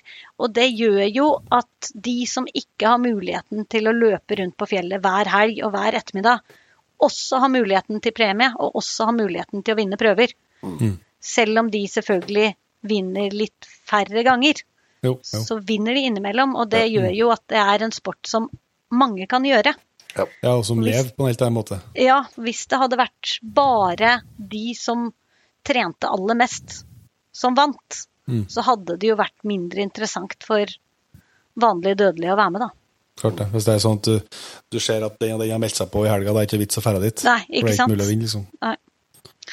Men Så- eh, hvordan eh, Når du da går eh, NM-finale med en stor andel eh, mannfolk fra Trøndelag med ryggsekk fullt og med fullt erfaring, hvordan, eh, hvordan er det da å gå av med seieren? Nei, det er nesten litt flaut. Det er nesten litt flaut. Det er, eh, man, nei, man blir bare veldig ydmyk. Ja. Og så vet man det at det var fordi at min hund var best i dag. Ikke sant? Ja, ja. Det er jo det det går på. Min hund var best i dag. Og så er det jo også sånn at når du kommer til en NM-finale, så er det jo mange av de hundene som var med i den NM-finalen, hadde også vært med på NM-lag, som var tre dager før. Så det var fjerde gangen de var oppi det, det terrenget, Ja. eller oppi de tyngre terrengene. Og det er klart at når de da fortsetter å gå hardt og finne fugl på fjerde dagen da, det er imponerende hunder. Ja. Så det er klart, hvilken som helst av de hundene i NM-finalen der kunne ha vunnet. Eh, altså, det er gode hunder, alt sammen. Ja. Eh, så det, det handler om eh, at man tar litt rette avgjørelser, og, og handler mye om tilfeldighet og ja. Ja, for hvor, hvor, eh, For oss som ikke aldri har lukta på denne finalen. Hvor, altså, hvor, hvor mye har på en måte føreren å si i en sånn prøvesetting? altså Når det kommer opp på det nivået? Altså, skjønner, vi skjønner jo at, eh, at uh, eieren har veldig mye å si på et vis for, å, for at uh, hun har kommet dit i utgangspunktet, men når du først er der, kunne, kunne jeg ha vunnet NM med din hund, for å si det på den måten? da?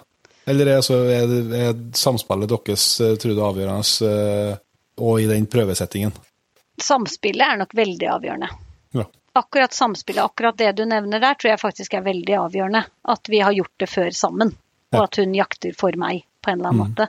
Men, men jeg, jeg liker også å dele Jeg liker å dele litt den her fuglehundtreninga i to. Det, der også, det ene er å trene hunden til å kunne gjøre det bra på prøver. Og den andre er å føre hunden bra på prøver. Ja. Og til en viss grad så kan det ene kompenseres av det andre.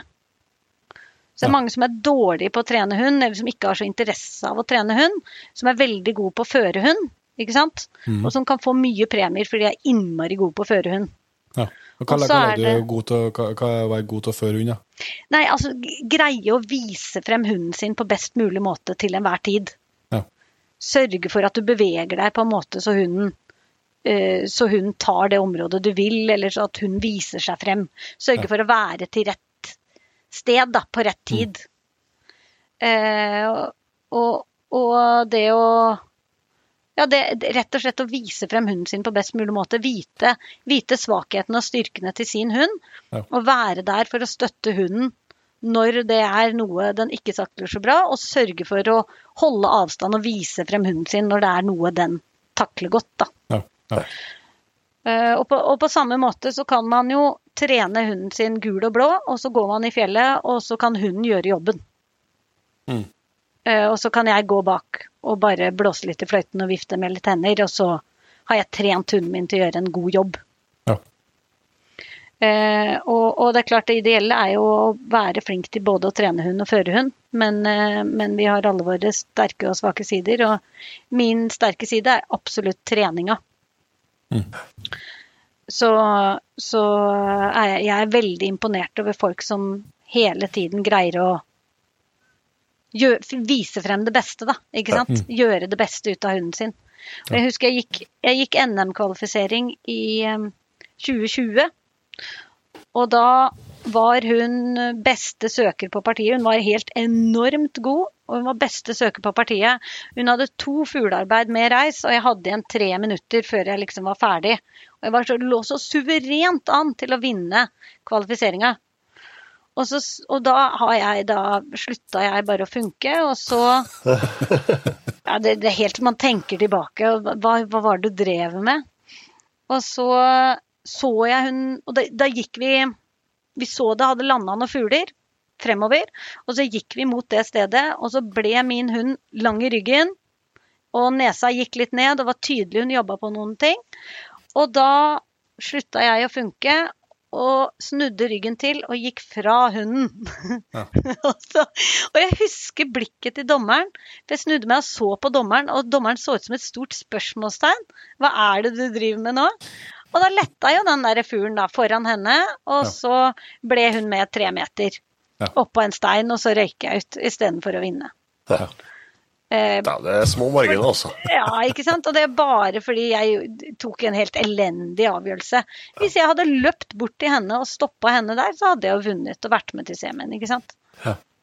Og det er ikke noe det er ikke noe forskjell på kvaliteten på hunden eller noe som helst. Det er bare ræva avgjørelse fra førers side. Ja. Så, så det, hvis noen kan hjelpe meg på hvordan jeg kan bli en bedre fører i fjellet, så tar jeg Bestiller du et kurs? Ja. Men eh, det er jo NM skjønner at det, bare sagt at, jeg skjønner at det er et høydepunkt, men jeg har også lest at du har vært med i VM. Ja. Vært med i VM i Frankrike. Det var med Münsterlanderen, det òg. Hun var jo veldig god. Eh, Det var jo en eh, helt annen opplevelse. Der var det Hvordan kvalifiserer man til VM, bare for den som ikke vet det? Du, da søkte man, og så ble man med. Har du Ja, lyst sånn, til å være med til VM? Ja, sånn, ja. Og så tror jeg ikke det var så mange som søkte. Hun hadde gode resultater, altså. Hun hadde lavlandsresultater og alt mulig, så det, det var for så vidt greit nok sånn sett. Men eh, nå lurer jeg på om de har uttak der hvor du, du tester hundene på lavlandsterreng, så Ja. du har dommere som bedømmer dem. Men, men da bare søkte vi, og så ble vi med. Eh, og var masse gode hunder med. Eh, og da går det jo Vi gikk jo på fasan i litt i, i terreng med mye undervegetasjon. Så det var ganske vanskelig. Jeg tror, Og så var det veldig varmt. Ja. Uh, og så var det ingen som snakka engelsk. så, og så var det du, du deler jo da i engelske og kontinentale raser, så det er som på en måte to VM på en gang. Ja. Uh, og så um, mye italienere med mye hunder. Uh, og korte slipp og heftige hunder og veldig gøy. Men veldig annerledes, og vi hadde ingenting der å gjøre. Men eh, det var veldig gøy å være med. Så jeg var med både, var med både på VM, og så var jeg med på VM i St. Hubertus, altså sånn jakt-VM, der hvor jeg gikk med hagle. Ja. Så da fikk jeg noe pris for beste føring eller noe sånt, noe sånn kvasipris. Men, eh, men eh, Sikkert den er så dårlig, den føringa di likevel, altså, så vunnet.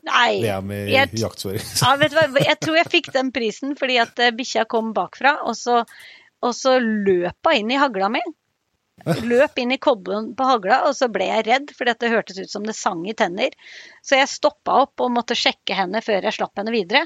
Og det syns tydeligvis dommeren var veldig bra håndtering av situasjonen. Så jeg tror det er derfor jeg vant den. Nei, men det er det, du, du prøves jo på kort tid. Altså, de skal jo være veldig effektive og veldig intensive. Og du går jo mot Med de kontinentale, det er mye, mye korthårsforskere. Svære korthårsforskere med en enorm fart og en ekstrem presisjon. Så de tar jo ikke stand før de er en halvmeter fra fuglen. Nei. Og de beiner altså som tog frem og tilbake på jordene der. Og det er helt vanvittig å se på, det, altså. Så når hunden tar stand, så går du opp, og så tråkker du i bakken, og så letter det fugl, ikke sant. For de står så nærme, og det trykker så hardt. Eh, Så er å komme med en sånn norsk sektorjeger som tar sånn, begynner å trekke han på 50 meter og sier 'her er det fugl, nå må alle ta det med ro', det, det var ikke mye det var ikke mye effekt i det. Nei. Var det ikke. Den Forsteren hadde vel vært foran henne fem ganger før han tok, tok stand foran henne. Så. Men det er artig å være med. Artig å se nye ting. Artig å snakke med folk og, og lære og, og finne ut hvordan andre gjør det. Uavhengig av hva det er. Ja. Men når du har vunnet i NM, da, ønsket om å vinne en gang til like stort som ønsket om å vinne første gangen? Som du kjenner igjen nå? Ja, det er jo det. Må jo innrømme det. Jeg føler jo Jeg føler man liksom må eh, på en eller annen måte bevise at, eh, at det var rett. Jeg veit ikke helt. Det holder ikke å vinne én gang. Det kan være tilfeldig.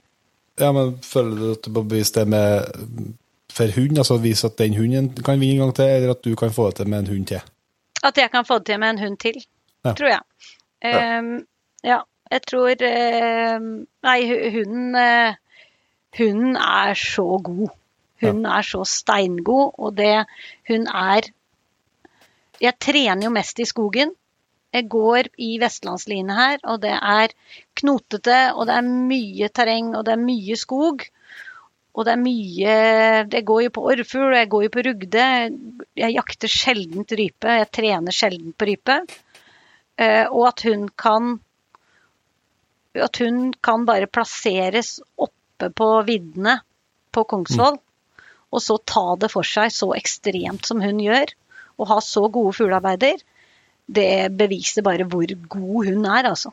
Ja. Og jeg er helt sikker på at hvis jeg hadde hatt muligheten til å til å trene henne mer i fjellet og, og til å gå mer på prøver, så hadde hun vært premiert enormt mye. Og det er en, en ting er jo at det jeg vant NM med nå, men, men også at jeg var med i, i 2020 og så hvor ekstremt god hun var i forhold til de andre på partiet, altså. Nei. Så da, da så man litt hva hun er avla til. Hun er Ja. ikke avla her for å knote rundt i skogen, hun er avla fordi hun er avla for å vinne NM. ikke sant? Hun er avla for å gå der oppe og briljere. Og det var så tydelig. Så, så hun eh, Hun har jeg ikke noe behov for å egentlig vise frem til andre, Nei. nei. egentlig. Det- Men hun skal, hun skal gå til hun får jaktsjampionatet sitt, for hun har ikke fått jaktsjampionatet. Så det må hun få. Og så er vi ferdige etterpå, tenker jeg. For det er ikke sånn at du har, du har ikke en plass i Du har ikke en uh, sikra plass i NM-finalen til, neste år? Som Nei, er? sånn er det ikke. Nei, nei, nei. Det hadde vært for enkelt, vet du. nei, man må begynne på, begynne på bunn. Ja. Men jeg er vel ganske sikra for å få lov til å være med. Ja. Det er jo. Men eh, du må jo ha en første VK, altså en første premie i vinnerklasse, for å få lov til å stille opp i det hele tatt på Stemmer. NM Høyfjell høst. Eh, og den må være tatt innen året og de to foregående årene. Ja. Så det er sånn begrensa hvem som får lov til å være med. Og så Så det er, det er jo litt sånn i fuglehundsporten at hvis du har en hund som er kvalifisert til NM, så stiller du som regel. Ja. Ja. For det er ikke alltid man har det. Nei. nei. Det, er ikke, det gjør ikke seg sjøl å ha en eh, hund som går til første uka, gitt. Nei, det gjør ikke det. Og det er ikke så lett å få de heller. Det er som sagt det er tilfeldigheter, og du skal stille, og du skal ha litt flaks, og du skal være de rette stedene. Men eh, hvis vi går over litt på den uh, hundetreninga, du holder jo kurs, og du har jo utvilsomt lyktes eh, veldig mange ganger allerede, Astrid. Eh, det der er jo både sett i tipsene vi har fått, og, og uh, likeens har jeg lest det på noen plasser på nettet, og at eh, eh, du liksom blir trukket fram som eksempel på at det går an å, å nå til topps med belønningsbasert hundetrening. da. Eh, Men eh, hvis vi starter, med, starter litt, litt lenger ned, hva er belønningsbasert hundetrening for deg? Ja, altså Belønningsbasert hundetrening er jo når du legg, legger opp læringa hos hunden til at hunden lærer ved å lykkes. Så du legger opp treninga di sånn at hunden lykkes, og så sørger du for å fortelle hunden at det lønner seg å lykkes.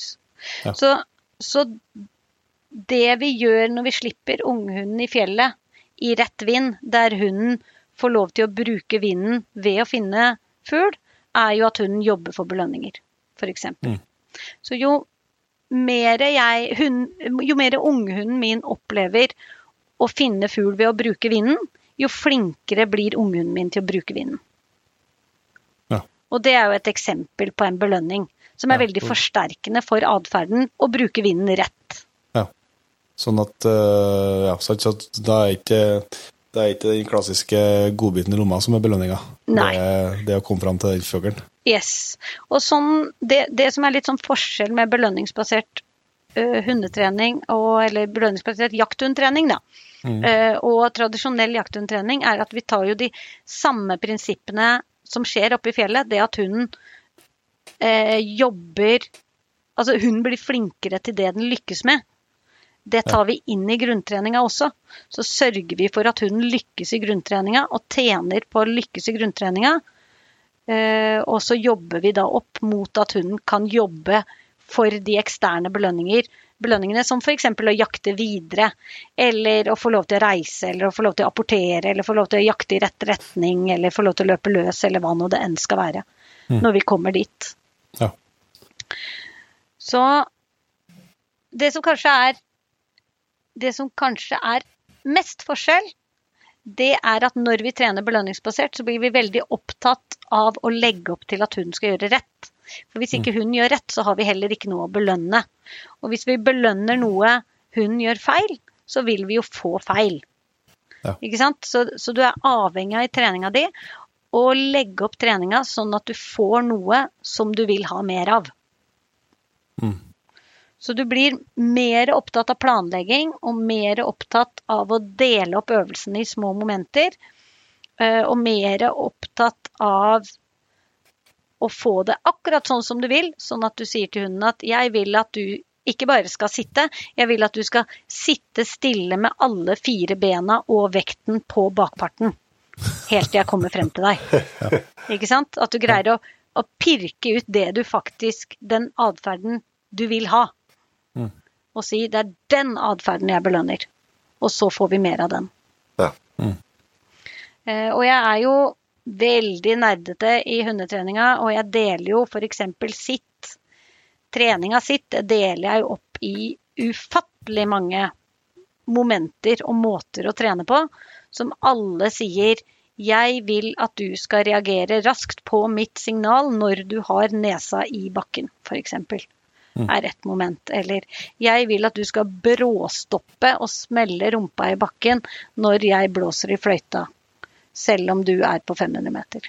Ja, det. men så ta, så ta bruke sitt som eksempel. Det er jo, det er jo interessant for alle, samme hvilken eh, rase eller hva du skal bruke eh, hund til. Um, altså, da, når du ser å dele opp i flere momenter, så er det liksom okay, første du starter med, det å, å lære hunden hva faktisk sitt betyr. Altså Nei. sånn eh, Nei, fysiologisk. Nei, nei, nei. Det er ikke det vi gjør. nei, vi begynner lenge før det, vet du. Godt forsøk, men nei. Nei, det første vi lærer hunden, er hvilken atferd som fører til belønning. Ja. Så eh, vi, jeg bruker ikke signalet sitt før hunden vet hvilken atferd den skal gjøre for å få belønning. Og da, da belønner jeg rett og slett hunden for å sette seg uten noen som helst håndsignaler eller verbale signaler eller fløytesignaler. Hunden okay. setter seg og oppnår noe for å sette seg. Og så lærer jeg den å sette seg rundt meg på forskjellige vinkler. Fordi det er veldig lett å bare trene sitt rett foran oss. Mm. Og da får vi en hund som tror at atferden er sitt foran oss. Ja. Jeg, har, jeg har en sånn. Ja, og det er det jo ikke. Nei. Vi vil jo at atferden skal være rett ned der du er. Ja. Så først så trener vi atferden rundt oss, og da kan man, hvis man først har f.eks. en hund som setter seg ned foran oss, så kan vi belønne det, og mens vi belønner, så kan vi vri oss litt. Så når hunden er klar for neste repetisjon, så er den ved siden av oss. Ja. Og så belønner vi for at den setter seg ved siden av oss, og så kan den sette seg bak oss eller på andre siden. Så varierer vi vinkelen til hunden. Og så lærer jeg hunden at det lønner seg, eller at det går an å utføre atferden selv om den er i bevegelse. Og det gjør jeg ved å rygge bakover. Så hunden følger etter meg, og når den putter rumpa i bakken, så får den belønning. Men når den putter og da, Men det, det her er jo da, da har du kommandoen, altså da vet du hva kommandoen er, før kommandoen Nei. det òg. Yes. Så driver du bare og rygger rundt omkring i Norges land eh, helt til hunden setter seg. Ja, nei, jeg gjør jo ikke det. Men det, det vi gjør, det er jo at den, den setter seg jo Du kan tenke deg at den lett skjønner det at å ja, putter jeg rumpa i bakken, så får jeg godis. Det vil jo de fleste valper skjønne relativt raskt. Mm. Og så kan vi jo, og så lærer vi den at du kan putte rumpa i bakken uavhengig av hvordan jeg, beveger, altså hvordan jeg står. Ja. Ikke sant? Mm. Og så begynner jeg å bevege beina. Så kan jeg si til den du kan putte rumpa i bakken selv om jeg beveger beina. Og så kan jeg si du kan putte rumpa i bakken selv om jeg beveger beina litt bakover. Ja. Ikke sant? Og så kan jeg begynne å belønne hunden for å følge etter meg. Og så får den ikke belønning, og da tenker hunden ja, men det pleier å funke å putte rumpa i bakken. Ja. Og så får jeg en hund som lærer seg fysisk å putte rumpa i bakken selv om den er i bevegelse først. Ja. Fordi at det er jo den fysiske atferden vi vil si lære hunden først. Ja. Jeg vil jo ikke legge på signal på en atferd hunden egentlig ikke kan. For da vil jeg jo legge på signal på en atferd som jeg ikke vil ha. Mm. Og når jeg har lært den at den kan sette seg under bevegelse, så kan jeg lære den også at den kan sette seg på avstand. Ja. Ved å ha hunden på avstand og hive godis til den, og belønne den for å putte rumpa i bakken på avstand uten å komme mot meg. Ja. Så, så kan vi legge på signal. Ja. For da vet vi at hunden gjør atferden. Ja. Og da da, er det bare å koble atferden til signalet. yes, da sier vi det, og forresten heter dette sitt. Ja. Og du får bare godis hvis du gjør det etter at jeg har sagt sitt. Og Da, når slett- da slutter de å sette seg i tid og utide. da. Nei, men det gjør jo ingenting om de setter seg i tide og utide. Jeg har, hvis du har en jakthund der hvor du har problemer med at hunden tilbyr frivillig sitt ute i jaktterrenget, da tenker jeg at det, det er ikke fordi du har trent mye frivillig sitt. Nei, det er kanskje ikke det. Nei. Du er enig i det? Jeg er helt enig i det. Ja. Så, men når da hunden kan vente på signalet sitt når den ser på meg, så kan vi begynne å gi signalet sitt når den ikke er oppmerksom. Mm. Og at vi belønner at den reagerer når vi sier sitt. Og ofte når den ser på noe annet og jeg sier sitt, så snur den seg og så sier den 'hæ?' Ikke sant? Ja. Hva var det du sa, sa du nå? Jeg fikk det ikke med meg. Jo, jeg sa sitt. Å ja, ja, det kan jeg. Og etter noen repetisjoner så greier de både å høre at vi sier noe, og sette seg samtidig. Mm. Og når den kan sette seg når den, er, når den ikke har fokus på oss, så kan vi begynne å lære den å sette seg når vi avbryter en atferd. Altså sette seg når den driver med noen ting. Så først når den forventer sitt, så når den ikke forventer sitt, og så når den egentlig skulle gjort noe annet. Ja. Så da kan vi begynne å avbryte lukting, eller avbryte at den ser på noe, eller avbryte at den løper, eller avbryte den at den løper mot noen ting, eller Det er sånn at du på et vis eh, i dette da eh, på en måte har et eh, skjema, sånn at ok, nå er vi, nå er vi forbi den fasen der den er, den er sjekk, og så går du til neste. Eller hopper du mellom, på et vis? Det, vet du hva, min trening er mer sånn Oi, det funker ikke, det må jeg trene på. Ja, Litt sånn mer blir adhoc. ja, det blir litt sånn Oi, kan du bare sette deg på ti meter? Det må vi gjøre noe med. Ja. Så jeg kanskje Det er litt sånn etter eh, Det er kanskje ikke helt måten å trene på, men det er sånn jeg trener. Ja. Så Oi, jeg burde jeg, Dette burde du kunne, ergo må jeg gjøre det. Ja. Og så vet jeg jo når jeg skal stille hundene på jaktprøve, eller når jeg skal ta dem med steder, så vet jeg jo hva de burde kunne, og så forhåpentligvis så legger jeg i nok treningstid så hundene kan det før jeg møter opp. Men, har du, men så når du eh, begynner å presentere dem i, i fugl, da har du Hvis vi holder oss til sitten, da har du liksom den grunngreien på, på plass før du, før du tar dem i fjellet, eller? eh? Det spørs litt på alderen til hunden. For, og hvor, Når de er født, ja. ja, fordi at sånn som Nå har jeg jo både en valp som er seks måneder, eller som er fem måneder nå, da, og en som blir ett år i august. Mm.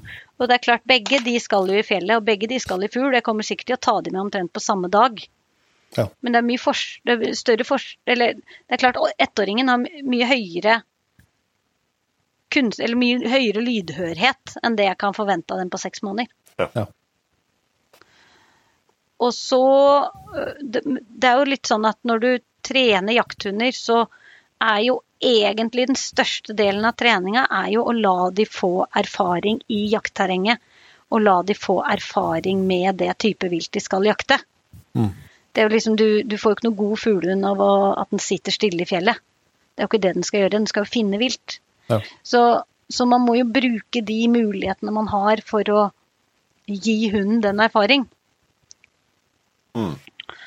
Eh, og, og det betyr jo at den seks måneder gamle valpen kommer til å være med ut i fjellet uten at jeg kan forvente noe som helst. Mm. Uh, og så ser vi hvis den finner ei rype og er borte i to timer, ja, men da kanskje skal vi gå ned og trene litt mer før du får lov til å finne ei rype til. Men Ja. antageligvis så skjer jo ikke det. Antageligvis så støkker den litt fugl, og så løper den litt, og så kommer den tilbake igjen, og så løper den videre, liksom. Mm. Eh, og så handler det jo om det å, å være litt i forkant og se når er det nok? Når bør jeg egentlig fokusere treninga mi på noe annet? Jeg husker jeg hadde eh, den, den forrige forsteren jeg hadde, jeg var ute i fjellet med den som unghund. Og så fant den litt fugl, og så fant den litt fugl, og så, og så så jeg på den, da løp den bortover. Og så tverrvendte den 90 grader, og så åpna hun munnen, og så økte hun tempo, og så sprengte hun et rypekull. Så da, ja, nei, men da er kanskje på tide å gjøre noe annet. Ja.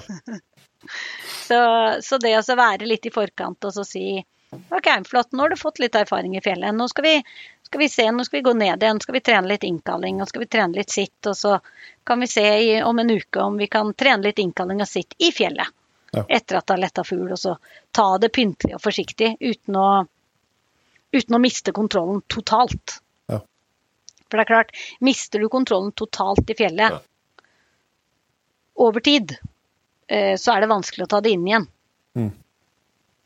Ja, for det som, som jeg tenker på sånn altså, i forhold til med Du snakka om belønninga i fjellet, liksom det med å slippe i rett vind og, og finne fugl, og at en finne den fuglen er en belønning i seg sjøl. Men eh, så, så snakka vi om det belønningssystemet på et vis med, eh, med å jobbe sitt. da. At man tar det liksom over da til i en fuglesituasjon. når Skulle jo tro at for en hund, en fuglehund med som bobler over jaktlyst, at det var ganske stor belønning i å bare mm, springe som en steintulling etter det fuglen som flyr. Ja, men det er ofte ikke det. Den største belønningen for fuglehunder er jo å få lov til å finne. Ja. De aller flere, det, det finnes selvfølgelig fuglehunder som ikke har så mye jaktlyst, som ikke er så interessert i å finne, og syns det er veldig gøy å jage og drepe. Ja. For all del. Men de aller fleste fuglehunder syns jo det er gøy å bruke nesa. Mm. Ting som de finner med nesa, er mye gøyere enn ting som de finner med øynene. Eh, eller ting som er i lufta. Og når, du, når, du, når de lærer det at de kan finne ting med nesa, så blir det, det mye mer forsterkende for dem å finne ting enn det er å jage og drepe ofte.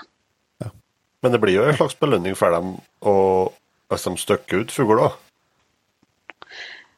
Ja, ikke nødvendigvis. Altså, det blir jo en slags Alle unge hunder vil nok løpe etter. Ja. I en viss grad, fordi at det blir mye adrenalin i situasjonen. og Mm. Men du ser at ganske raskt så kommer hundene tilbake igjen. Og så skal de sjekke der hvor fuglen var. Ja. Og ofte er det å sjekke der hvor fuglen var, og det å utrede mye mer forsterkende enn å løpe etter. Ja. Men så har du jo den, hvis du, hvis du trener på fugl som ikke flyr så langt, eller hvis du trener på litt lat lavlandsfugl, og hunden løper etter og finner ut at den setter seg igjen, Ja. da får du en enorm forsterkning av å løpe etter. Mm. Fordi da vil jo ettergangen føre til at den finner mer fugl, eller tar igjen fuglen. Så da vil du få en økt ettergang. Men det, den ideelle situasjonen da, med f.eks. den ett år gamle forsteren min, det er jo at den kommer i et kull. Og om den tar stand eller om den støkker, det letter i hvert fall en fugl, og så blir den med den fuglen litt bortover, og så kommer den tilbake igjen, og så finner den en gjenligger. Ja. Ikke sant? Og så letter den, og så blir han kanskje med litt til, og så kommer han tilbake igjen og finner en gjenligger til. Og det er klart, da har jeg forsterka det å være igjen på setet mye mer enn jeg har forsterka ettergangen.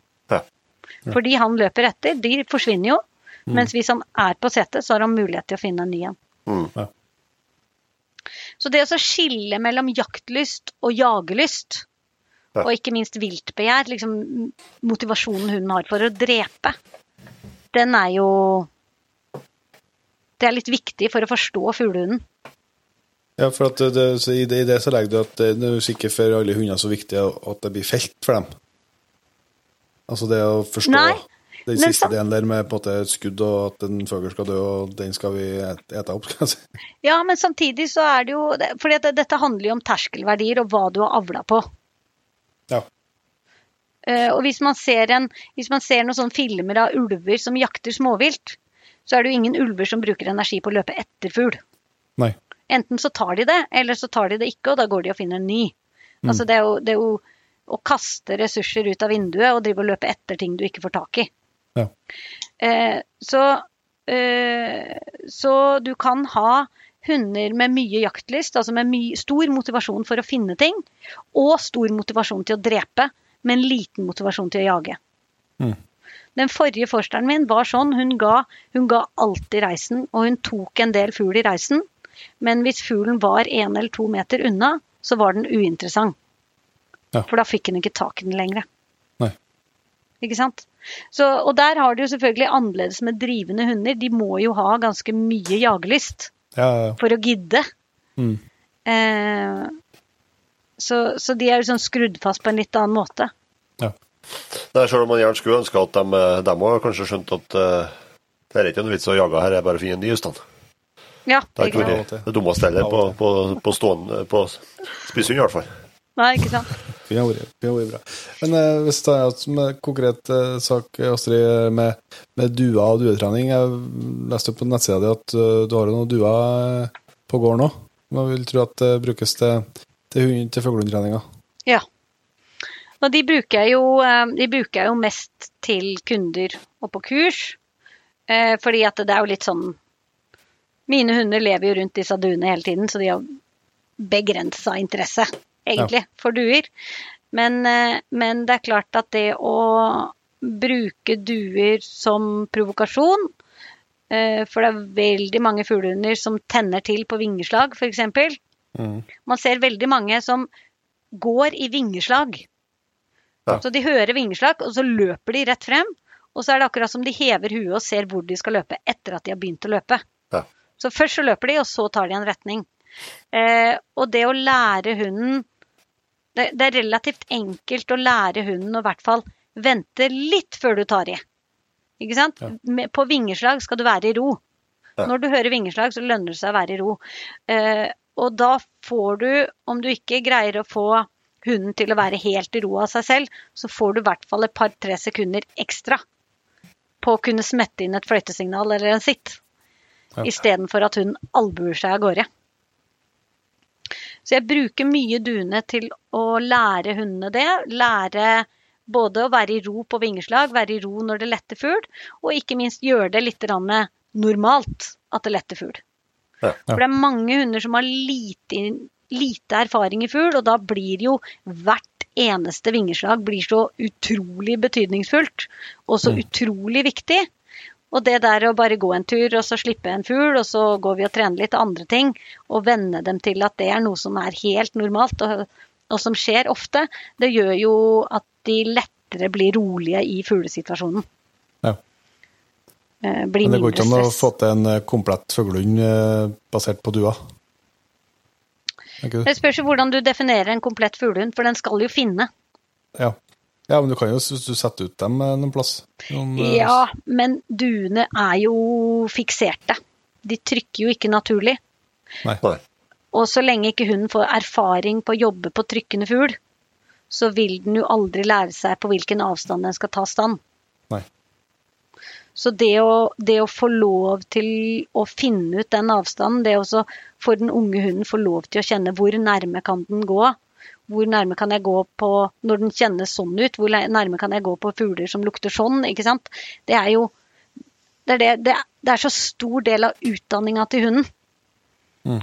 Eh, å, å lære dem, eller å, å å gi dem erfaring i hvordan fuglene trykker, hvor nærme de kan gå. Gi dem erfaring i å følge på hvis fuglene beveger seg.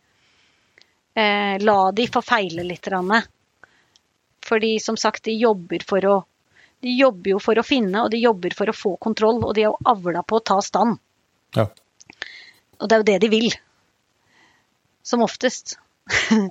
ja. Så eh, Men du ser, det liksom, du ser det liksom mer Nei, du ser det mer som et verktøy for å jobbe liksom med, med noen enkeltelement? Ja, vi bruker det mye til momenttrening, og du kan for så vidt jobbe med sekundering, og du kan jobbe med ro i oppflukt, du kan jobbe med apportering etter fuglearbeid, du kan jobbe med å la hunden skifte fokus, at du hiver en due og så jobber vi i en annen retning, ikke sant? Ja. Eh, eller du kan du, Jeg har jo også jobbet hele fuglearbeid på due, at du fikserer due og så har du hele fuglearbeid, men det er mer for førerens skyld enn for hundens. Ja. Ikke sant? Hvis du har nybegynnere som aldri har sett hunden sin i stand, da. Og det å lære folk hvordan de skal gå opp, på hvilket tidspunkt de skal reise, hva de skal gjøre, hvordan hunden ser ut, hva skjer når hulen går. Mm. For det er jo mye læring for dem òg. Klart det. Eh, og det er ikke alltid Det er jo ikke alltid jeg kan prioritere hunden på kurs og på treninger. Nei, Som regel så må vi prioritere fører, og så kommer hunden litt i andre rekke. Mm. For eh, det ideelle for hunden hadde kanskje vært å trene på en annen måte. Bruker du, bruker du dine egne hunder som, eh, som eksempel på et vis i, i kursene når, når, når det er fører som er fokus på et vis? Ja, jeg bruker mine egne hunder som demohunder. Ja. Men jeg lar ikke andre trene mine hunder. Nei, nei, nei. Nei, men For å liksom vise, for å liksom vise, vise hvordan, det, hvordan det skal være, da. Ja.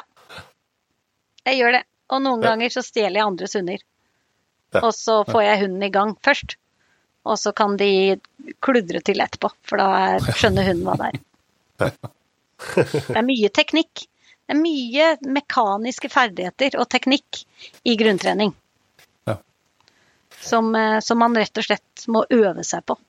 Men du som har så mye, så mye kunder og sånt innom, eh, det har jeg og du Jon Petter snakka om tidligere også. Vi, det, Mulig det er til, til noe eh, Men vi, jeg føler i hvert fall at, at, eh, at kvinnfolk eller damer har lettere for å få til spesielt denne hverdagslydigheten lydigheten og det her, denne treninga, at det, det ligger mer latent for, for damer enn gjør for mannfolk. Har du noe samme oppfatning ettersom at du har så mye kunder, kunder hjemme, eller? Nei, det har jeg eh, Det har jeg ikke Det er jeg ikke enig i, rett og slett. Det som jeg ser, det er jo at det er kanskje flest, flest damer som driver med hundesport. Ja. Ikke sant? Og som trener hundesport. Og, og da får du litt den hundesporttankegangen i jakthundtreninga. Ja. Og da får du mer teknisk trening og sånt noe. Ja.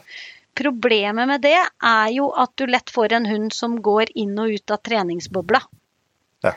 Så når du trener, så er den veldig god. Og så går du i, går du i fjellet eller skogen, og da er ikke hunden ja, Da har ikke hunden definert det som trening, så da gjelder det ikke de samme reglene. Og det er kanskje det som flest fuglehundfolk sliter med. Det er jo det å få hunden til å høre når det gjelder. Ja. Fordi de drar på veldig mye fellestreninger, og da ser ting liksom litt likt ut. Det er mange hunder, og det er på en flat plass, og det ser sånn ut, og hunden er veldig flink og kan apportere og sitte og masse forstyrrelser og hoi og hoi. Og så er det bare det at eh, all den treninga er for hunden betinga til plassen. Ja, ja. At den forbinder det kun med trening, og ikke med Yes. jakt og springe løs i fjellet. yes. Og, og fuglehundtrening og sikkert eh, Altså det å få lydighet på jakthunder, det handler jo om en slags ekstrem hverdagsdressur. Ja. Ja. At hunden, hunden skal ikke gjøre det bra, eller hunden skal ikke gjøre det med mest mulig schwung eller energi. Den skal bare gjøre det når jeg sier det. Uavhengig av når jeg sier det. Og uavhengig av hva som skjer når jeg sier det. Eh, og, og det er veldig lett eh, Eller det er, lett, det er lettest å få til hvis man greier å ha det sånn i hverdagen. Hvis jeg greier at alt det jeg sier til hunden min i hverdagen er viktig, da får jeg en hund som syns det er viktig også når vi er ute. Ja. Og hvis jeg greier å trene hunden eh, det, Mye med, med fuglehunder handler om å lære dem å veksle mellom selvstendig jakt og lydhørhet, altså høre på oss. Ja. Og det å begynne allerede fra hunden er valp. ikke sant? Gå en liten tur, og så løper den litt løs, og så kaller vi den inn, og så gjør vi et par-tre repetisjoner av noe, og så løper den litt løs igjen. Det forbereder jo hunden på å høre på meg også når den jakter som voksen. Ja. Istedenfor at jeg trener på stua, og så går jeg tur. Og så trener jeg på stua, og så går jeg tur. Da får jeg ikke den samme effekten av treninga mi. Men i det legger du det at man, at man ikke skal mase for mye på hunder, da, på et vis. Ja, vi trener altfor mye ofte. Ja. Det er så lite de skal kunne. De skal sitte og innkalling av rapport. Det er ikke så mye. Ja, nei, altså, altså spesielt når, eh, spesielt når eh, hvis man har, eh, ja, hvis man har unger iblant seg, og så skal de gjerne, de gjerne gjøre det samme som, som de voksne i huset, så blir det fort mye mas på, mas på hundene. Ja, det gjør jo det. Og det Nå har jo jeg små barn, og jeg tenker at familiefreden er viktigere enn god hundetrening. Så så lenge barna har det bra og hunden har det bra, så får de gjøre som de selv vil. Om det blir 14 sitt og en halv pølse, eller hva nå det blir. Det, altså, det, det er så mye, mye viktigere at barn og hund har det hyggelig sammen, enn at ting blir gjort korrekt. Og om det fører til at treninga mi går litt seinere, det får heller være, altså. Mm. For det det høres, eh, ja. høres ut som en sunn tilnærming. Ja, man, man kan ikke la det her gå utover alt. Det blir så dårlig stemning. Ja, Men apporttreninga, eh, starter du det med det også som eh, med valp, skal jeg si, eller? Jeg starter med det med valp, ja, og, og lærer hunden å plukke og avlevere og plukke og avlevere. Ja. Uh, og det med apportering er jo Ganske raskt så bruker jeg det som en oppgave for at hunden skal få lov til å gjøre andre ting. Som f.eks. at den kan apportere før den spiser mat i skål, eller apportere før den går ut døra, eller apportere før den går løs, eller apportere før den jakter. ikke sant? Så apporteringa ganske raskt blir en oppgave hunden skal gjøre Ja. for å få lov til det den egentlig vil, som er å jakte. Gjør du, gjør du det òg på samme måten som med sitten? Altså at du måtte belønne når atferden er riktig i starten, og så koble kommandoen senere? Ja. Vi deler inn det i små momenter. Og så trener vi hver ting for seg, og så setter vi det sakte, men sikkert sammen. Og så trener jeg veldig mye veldig nærme. For det vanskelige er ikke å få forsteren til å løpe ut på 50 meter og hente en fugl. Det vanskelige er å få den til å avlevere den pent uten å tygge. Mm. Ikke sant? Så, så, jeg trenger ikke å legge så mye treningstid på hva som skjer der ute. Det, det har jeg fått fra oppdretter. Men det som skjer inne med meg, det er det jeg trenger å fokusere på. Mm. Så det er veldig mange som begynner i andre retningen, og så sier ah, hunden min er så flink til å løpe og finne. Og så legger de til men så stikker den av med det. Eller så graver den det ned. Eller så slipper den det foran. Eller så får jeg det aldri tilbake. Eller så tygger den. Ikke sant. Så de, da begynner du egentlig apporttreninga i feil ende. Og så ender du opp med å måtte belønne masse atferder du egentlig ikke vil ha igjen. Ja.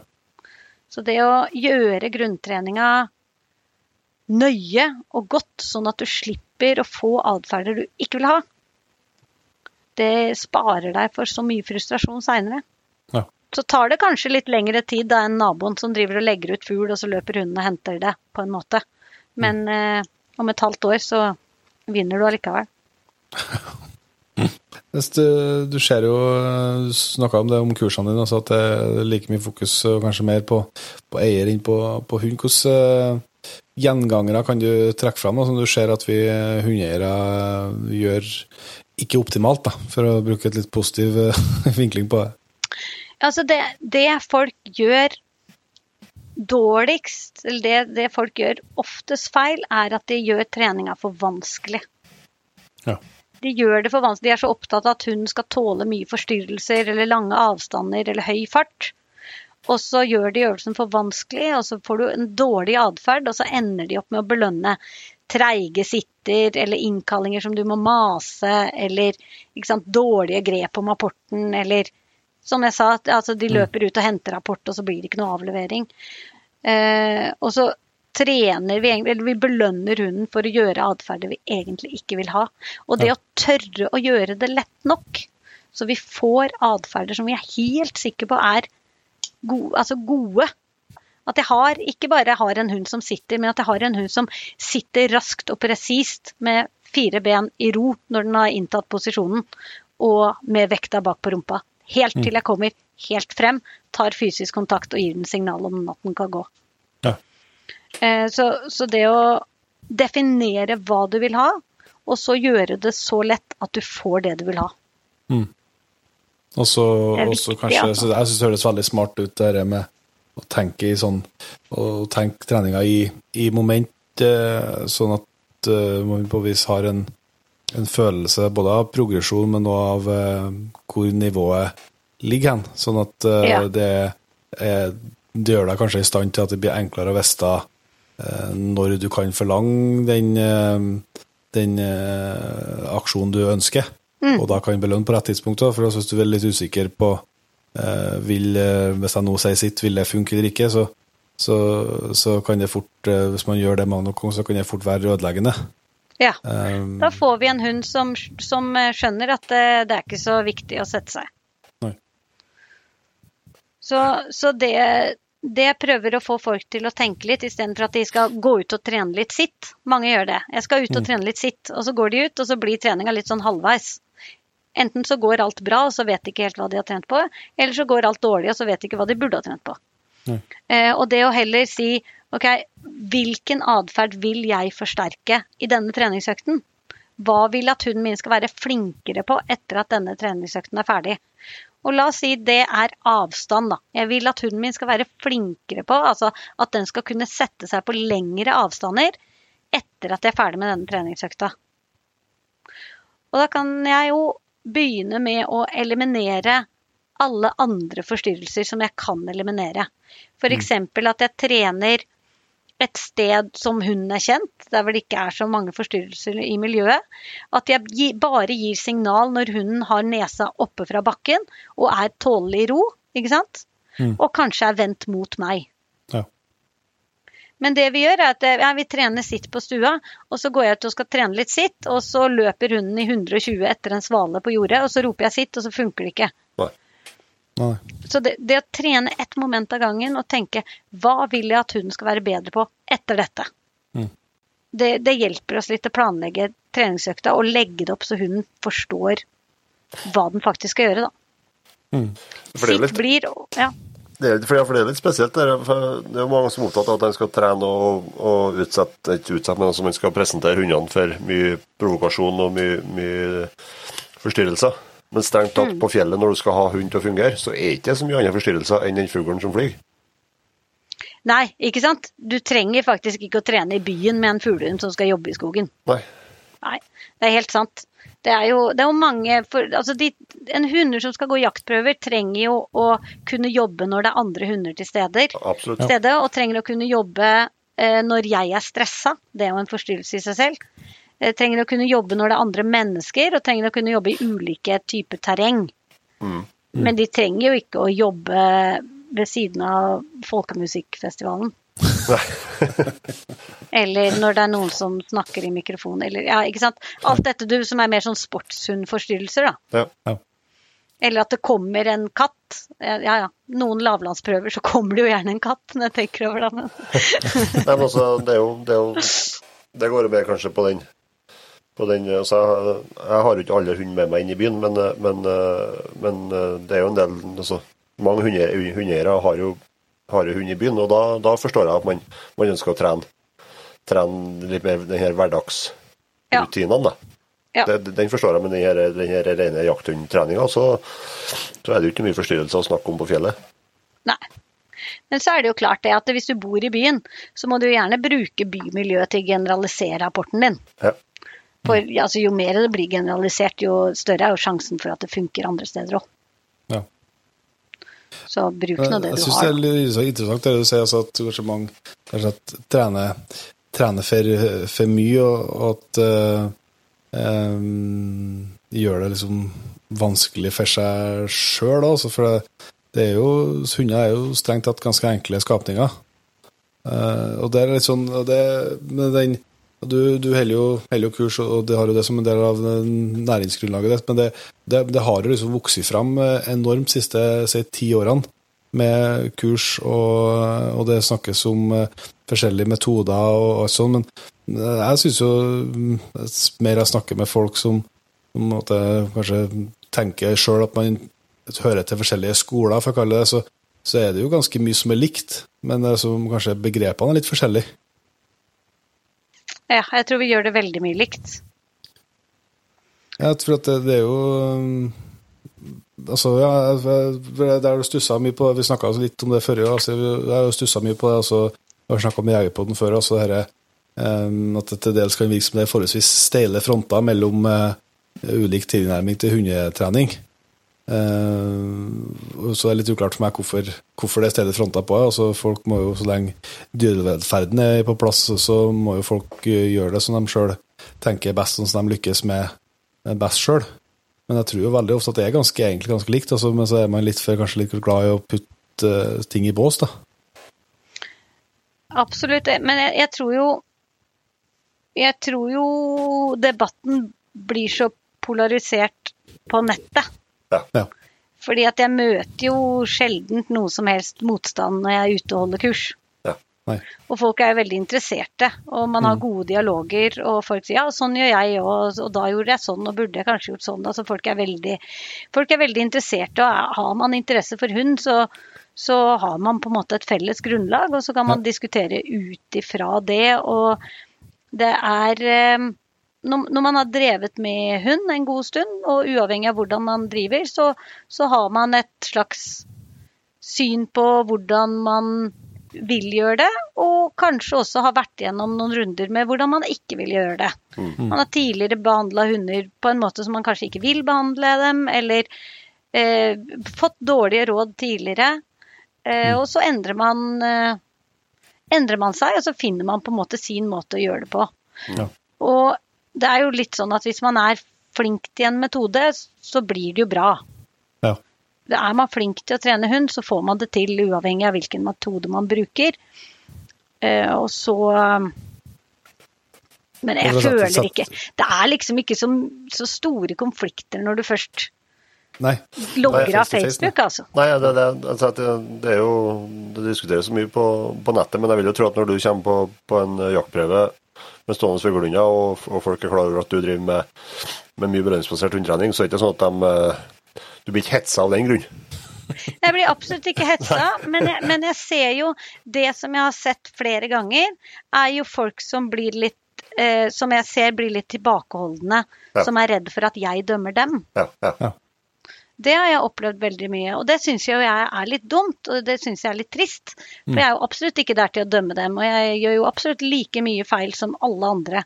Eh, altså, altså, vi gjør jo feil alle sammen, det, men eh, og, og jeg er ikke noe jeg er ikke noe fanatisk opptatt av at andre skal trene sånn som jeg gjør, eller at min måte er den eneste måten som går an. Altså, dette er en måte som jeg gjør det på, og som funker for eh, meg, og som jeg står inne for. Altså, som jeg ser funker for mange, og som jeg er veldig glad i metoden å gjøre det på. Men det, jeg gidder ikke å bruke krefter på å omvende folk.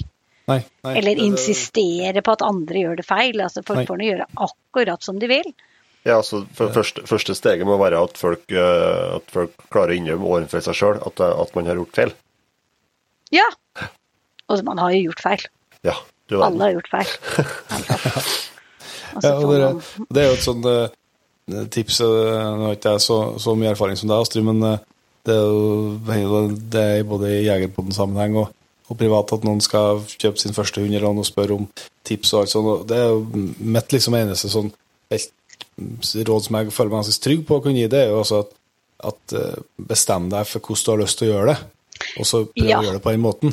Ja. Ikke hopp imellom. altså Hvis du, hvis du melder deg på for eksempel et kurs hos deg eller hos noen andre, og så lærer du noen metoder og, noen, og en tilnærming der, så prøv den metoden og hold på med det.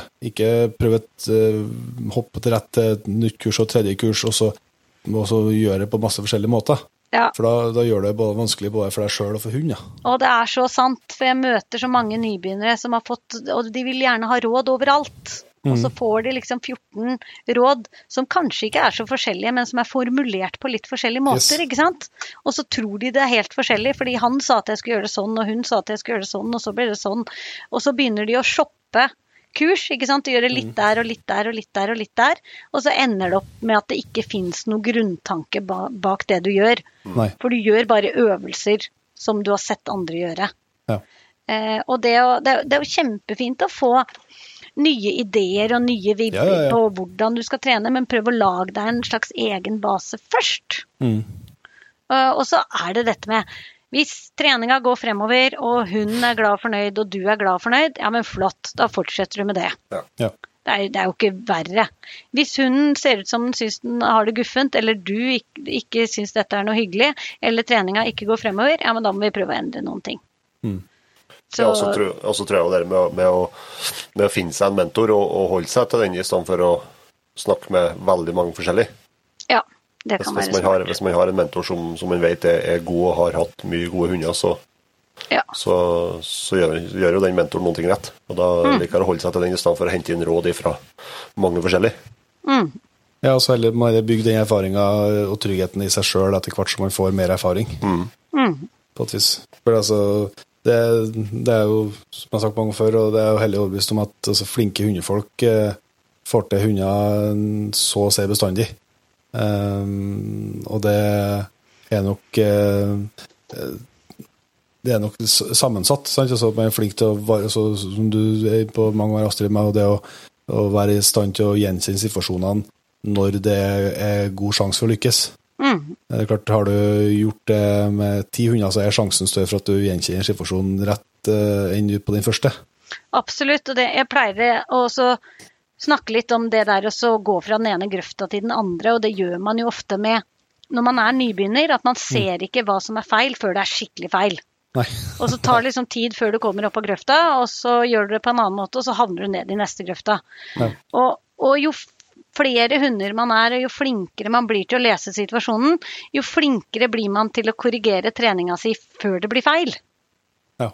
Og det er jo det som er forskjellen på folk som kan det de gjør, og folk som ikke kan det de gjør. At man, Det er jo ikke det at man ikke gjør feil, det, men det er at man kan korrigere feilene sine før de blir synlige. Mm.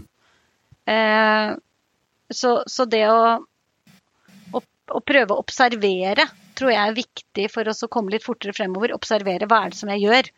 Blir dette bedre, eller blir det ikke bedre? Mm.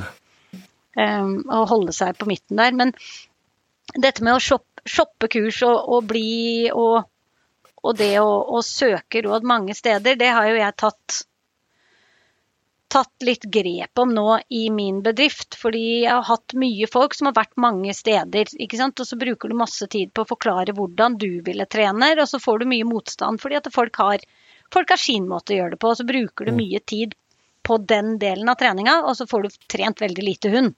Ja. Rett og slett. Så det som jeg har gjort nå, nå har vi jeg også, eh, Thomas Stokke og Monica Hauan, vi har jo laget en online portal som heter R pluss Gundogs, der hvor vi som er, som er en belønningsbasert treningsmetode, en medlemsportal der hvor du kan melde deg inn, og så er det mye online-kurs. Eh, og da mye tekster om hvordan dette funker, og mye kurs og, og som du har tilgang til som medlem. Mm. Så det jeg har gjort nå, er at for at folk skal komme hit på privattimer, og for at jeg skal ta imot folk, så må de være medlem av den portalen. Fordi da kan jeg referere tilbake til tekster og øvelser som de kan gå hjem og trene på etterpå. Ja. Og da får jeg kontinuitet i treninga, og da får jeg også resultater hos folk. Ja. For det er jo mange som ikke bare kan komme i mål ved å se på filmer og ved å lese tekster. Altså, man må ha hjelp. Man må ha noen som ser på at du trener. Man må få direkte hjelp og, og få noen til å ta i hunden din. Men, eh, men eh, det å kunne sende folk tilbake igjen for å lese ting og for å se videoer på nytt igjen Ja. eh, Ja, det, det handler om å ha en felles referanseramme, liksom. Ja. det er noe med det. Da blir treninga så utrolig mye mer effektiv. Mm. Enn å ha fem timer bare med meg, og så har folk glemt alt etterpå. Ja. Eh, Så det, eh, det er nå noe nytt jeg har begynt med, og så kreve det rett og slett av folk. Ja. Og det har jeg råd til å begynne med, fordi jeg har ganske stor pågang av kunder. Ja. Eh, Og da får jeg både de kundene som har lyst til å trene på denne måten, Mm. fordi at det er jo en slags investering, og det å være medlem og lese, lese kursene. Eh, og, og jeg får bedre resultater på de som faktisk er her. Kult. Så, så det er jo noe som jeg kommer til å fortsette med. Kanskje å holde, holde egne kurs for de som er medlemmer og sånt noe. Rett og slett, for da, da kommer folk med allerede kunnskaper om hva de egentlig driver med, da. Du sa jo at du, som du har så mange forskjellige raser, så har du ikke den samme linjekunnskapen som den som kanskje forholder seg til én rase, så du leter etter gode oppdrettere. Så det vil jo si at du har sagt litt om hvordan du måtte finne, finne emne og valp, da, men eh, har du noe du ser etter i valpekassen da, når du har eh, endt opp med en NM-vinner? Så du det i valpekassen, at her, eh, her ligger vin- NM-vinneren i 2021? Jeg var ikke nedi valpekassen i det hele tatt. Jeg fikk henne bare levert. Jeg er, det er, vet du hva, jeg, eh, uff, jeg er så dårlig på å velge valp. Jeg velger alltid den valpen det er litt synd på, eller den som er litt rar. Så det nå har jeg jo hatt et kull sjøl, og jeg endte opp med den valpen som det er litt synd på er litt rar, da. Alle de fine valpene dro av gårde, så satt igjen med den. Og hun er veldig søt, men jeg vet ikke om det det er, det er, Jeg er ræva på å velge valp. Så Ja, så du har ikke noen sånne faste ting du kikker etter? Nei. Nei, nei, nei. nei. Det, jeg stoler på oppdretter. så har jo tydeligvis det. Jo, jo. Ja, jeg har det. Jeg tar den som går på to ben, og som bare har tre føtter. Men, eh, men eh, Nei, det Uff. Det må noen andre ta Jeg, jeg liker å få de utdelt, jeg. Ja. Ja. Og så hvis folk spør om jeg har preferanser, så har jeg preferanse på farge. Ja. Ja, jeg tar gjerne den med morsomst farge. Ja. så, men eh, ja, så det det, det jeg syns Altså, jeg syns avl er interessant, jeg syns linjer er interessant. Jeg syns det er interessant med valpetester, og jeg ja. Jeg syns det er flott at folk har sånne kunnskaper. Eh, og så kan jeg støtte meg på de som har de kunnskapene. Ja. Trenger ikke å kunne alt. Nei, det er jo vanskelig. sånn at man gjør hverandre god. Ja. Ikke sant. Eh, Men eh, nå har du jo så, så har jo Neon her som har vunnet NM. eh, Er hun eh, i dine øyne en optimal fuglehund, jakthund? I, i, hun er fantastisk å jakte med, ja. Mm. Ja, men sånn altså, så er det Altså, fins det, så tenker du at det er den optimale fuglehunden? Altså, eller er det ting du skal, du skulle ønske å ha justert på hoa på vis? Ja, men det handler, så, det handler så mye mer om biotop og fugl og situasjon og årstid. Mm. Eh, og forhold og vinner og ikke vinner og varme og tider på døgnet og mengde av fugl og Det er så mye. Det er så mye. Så det, du at det går ikke å definere en optimal uh, hund? Nei. Nei. Du kan ha en optimal hund for visse forhold. Ja. Og det er hun. Hun er en optimal hund for visse forhold. Og hun gir oss fantastiske jaktopplevelser. Ja, Både på, på alle mulige typer fugl. Men eh, i andre situasjoner så står du og river deg i håret, og helst skulle hatt med noen andre, altså. Så, så for det er eh, sånn som hun Det, det er mye hund. Eh, hun eh, kommer veldig langt på ekstremt kort tid, og hun er ikke så god til å svinge. Så det Man skal Man skal ha forhold Hvis det er for mye fugl, så er hun et annet sted enn der fuglen er. Ja. Hvis fuglen sitter ti meter foran meg, så hjelper det ikke om hunden er 400 meter til høyre. Nei, det er klart.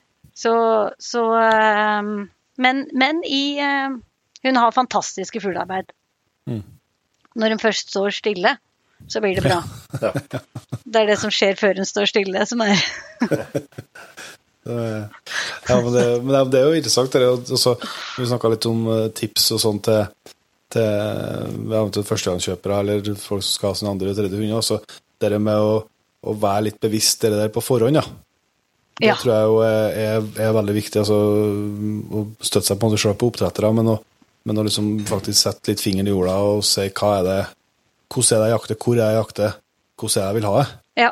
Og så prøve å, prøve å hente et evne basert på det, ikke bare se seg blind, som, som du sier. Altså på, du henta den hunden fordi at den skulle være så optimal som mulig nettopp for å kunne gå en eh, NM-finale på, på Dovre. Eh, men hvis, det, hvis du skulle hatt den kun til å jakte i bratte lier på Vestlandet, så, så hadde du vært kanskje tjent med en annen type, ja. en annen type utgangspunktet. Mm. Absolutt. Jeg hadde en uh, halvt italiensk forster før. Og hun var helt enorm på Rugde, altså. Ja.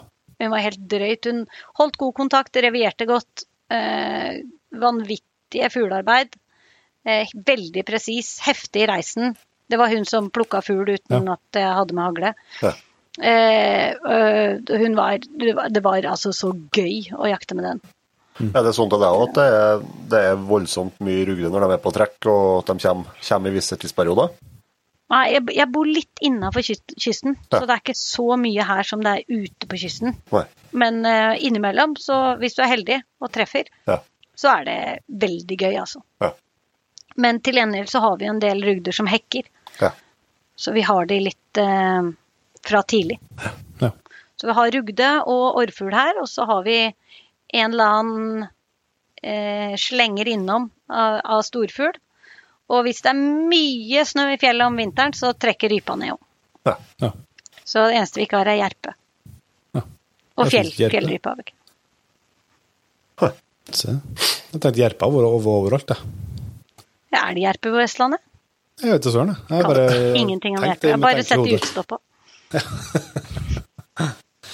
Nei, men uh, her, her har vært utrolig interessant, eh, Astrid, og ikke minst eh, lærerikt å både få være med på å høre litt om hvordan det er å gå NM-finale, og ikke minst om hvordan du har jobba for å få til de resultatene du har. Det har vært veldig, veldig givende. Men eh, eh, vi, sa, vi sa at du skulle sette av en times tid, cirka. Vi er nå så snart 22, så vi må Vi må etter hvert eh, begynne å slippe deg, så vi skal, vi skal begynne å runde av litt. Men vi har noen eh, faste punkter på, på slutten som vi ønsker å, å ha med deg gjennom. Og da er det første spørsmålet der eh, om du har noen jaktdrøm? Ja, det må være den der svarte elghunden, altså. Ja. Det var det, det der å felle hjort for eh, gå, gå og spore og snike med svart elghund, og så felle hjort for den, det, det skal jeg få til en eller annen gang. Tøft. Så det, det, jeg har fryktelig lyst på svart elghund, og, ja. og bruke som bandhund. Men um, Vi får se. Det blir nok etter at barna er flyttet ut, tenker jeg. Det er jo veldig eh, oppnåelig og god jaktdrøm, det, og ikke minst at den er, er er det det? Jeg vet ikke hvor vanskelig det er, jeg. Jeg tror med dine kunnskaper så tror jeg det kan gå, kan gå bra. Ja, vi får håpe. Hvis du skal komme med et, eh, et sånt generelt, da, ditt beste jakttips? Jakttips, ja.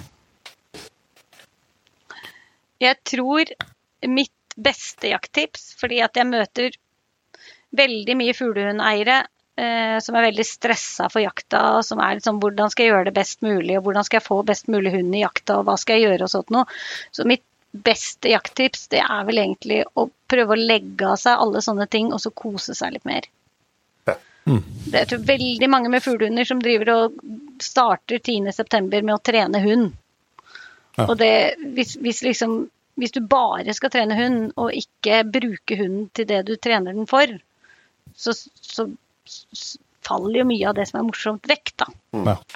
Så det å drite litt i trening av hund når du først har tatt deg en uke fri og drar på jakt, og bare skyte litt og ræle litt og kose deg litt, det, det syns jeg faktisk er viktig. Ja, Veldig bra. Så får du heller ta den avgjørelsen om du skal ha med hunden eller ikke. Den får du ta før jakta starter. Mm. Ikke, altså, liksom, når du ikke først glem har tatt hvorfor den man med, så faktisk driver med det han driver med. Ja, er dere ikke litt enige? Ja? Jeg syns det blir så enig. mye stress ofte, jeg. Og det har jeg hatt sånne turer sjøl der vi liksom skal ha med alle hundene 10.9., og så skal du trene, og du har så store planer, og så, og så blir det bare Det blir liksom ikke noe avslappa og ikke noe hyggelig. Det blir bare stress, ja. Det blir bare stress, ja. Så det kos seg. Mm. Drit i regler, drit i hva andre syns. Skyt, ha det gøy. Det jeg- høres ut som en slags fasit, jeg, gitt. Uh, og så er vi på jaktutstyr. da. Noe jaktutstyr du har anskaffa senere tida årene som uh, du har blitt veldig glad i, som du kan Nei, tipse om jeg videre? jo Jeg ender jo opp med den GPS-en. Ja. Jeg satt jo og tenkte på det. Jeg har, jeg har jo lite jaktutstyr. Jeg går jo, jeg går jo i vanlige klær med vanlige sko og, og går jo diller der bak disse hundene. Eh, og jeg går jo ofte dagsturer, eller liksom halvdagsturer, så jeg har ikke med meg så mye heller. Eh, så så det, det som jeg har mest bruk for, og som jeg syns er en stor sikkerhet, det er jo GPS-en. Og det har vært så mange historier i det siste med hunder som har falt i bekker og falt i vann og blitt borte og utafor skrenter og ikke minst inn til naboterrenget og alt mulig sånt noe. Så, så det å ha den GPS-en som en sikkerhet overfor hunden din, det, det syns jeg blir viktigere og viktigere. Ja. Og så får man sånn- heller ikke bruke den så mye og putte den i sekken, men som en, som en sikkerhet i å vite hvor hunden din er, og at det ikke har Tror skjedd du, noe. tror du det, hvis du skal spå framtiden, tror du det kommer inn at det skal bli lov å bruke det mer aktivt på, på prøve òg? De diskuterer det jo nå, hvorvidt du skal kunne sette det på hunden og så ha det som en sikkerhet hvis det ikke skjer noen ting. Mm. Eller hvis det skjer noen ting. Så, så det kan jo godt um, det, det, er ikke, det er ikke umulig at det skjer, men um, jeg, jeg ser jo at de, de fleste de fleste gangene det skjer noe alvorlig, så er det jo enten når hunden har stukket av, eller når man er på jakt. Det er jo sjelden det skjer noe alvorlig på jaktprøve. Det var jo en som forsvant her på Hovden i vinter, men den hadde jo Og det var under en jaktprøve og masse folk i terrenget, og så løp det en hund fra sekretariatet eller fra en bil eller noe sånt noe. Ja. Som de aldri fant igjen. Nei. Men det er liksom ute i april, ikke sant. Bekker og vann og Ja, nei, guff. skummelt. Skikkelig guff. Eh, Så det er jo ikke sikkert den hadde kunnet hatt på seg GPS heller, men eh, Nei da, det er sant. Nei, så klart For sikkerhetens del så er det jo på at hvis det er enkelt å, å løse det, det er bare å si at det er kun dommeren som har eh, peileren når den skal ligge i sekken. Ja, det kan Også, hende at man kan finne andre løsninger, sånne Ja. mobilskipper eller et eller annet sånt. Når Ja. man kan Jeg vet ikke, det finnes sikkert Ja. tusen sånne tekniske løsninger. så for den gjelder Men jeg tenker mer sånn liksom i, i det i, i liksom i prøvesammenheng, altså at uh, det er jo At du bruker det aktivt. Ja, altså det er jo ting en eh, dommer vil kunne se på en eh, GPS-logg eh, kombinert på det som han ser i terrenget, som kan f.eks. gi et mer nøyaktig bilde av et søksmønster, f.eks. Ja, men jeg tror på fuglehunder så, på fuglehunder så er det jo mer opplevelsen av søksmønsteret du vurderer. Ja. Fordi at det handler mer om vind. Ja. hvordan hunden bruker vinden, enn hvordan den faktisk beveger seg i terrenget. Så jeg tror ikke ja, du ville kunne altså Du kan jo alltid argumentere for at det blir en sånn støtte, Mm. men det vil jo aldri kunne gi mer nøyaktig informasjon enn det dommeren faktisk opplever. Nei, det, det er for så vidt enig. Altså, det er klart at det vil alltid, men altså um, På et eller annet nivå så, så vil en jo få Du får jo et bilde til og en, og en øh, Men det, altså, jeg kjenner Føgelundprøver flawless, jeg skal ikke øh, være bastant heller. men det er jo noe med at du har noe eh, Du har jo noen dommere som kan diskutere og se øh, i etterkant òg. hvis du har, har en sånn type logg i tillegg til, til det som dommeren kan fortelle. Ja, Eh, så, så har du liksom for faglig utvikling hos dommere òg.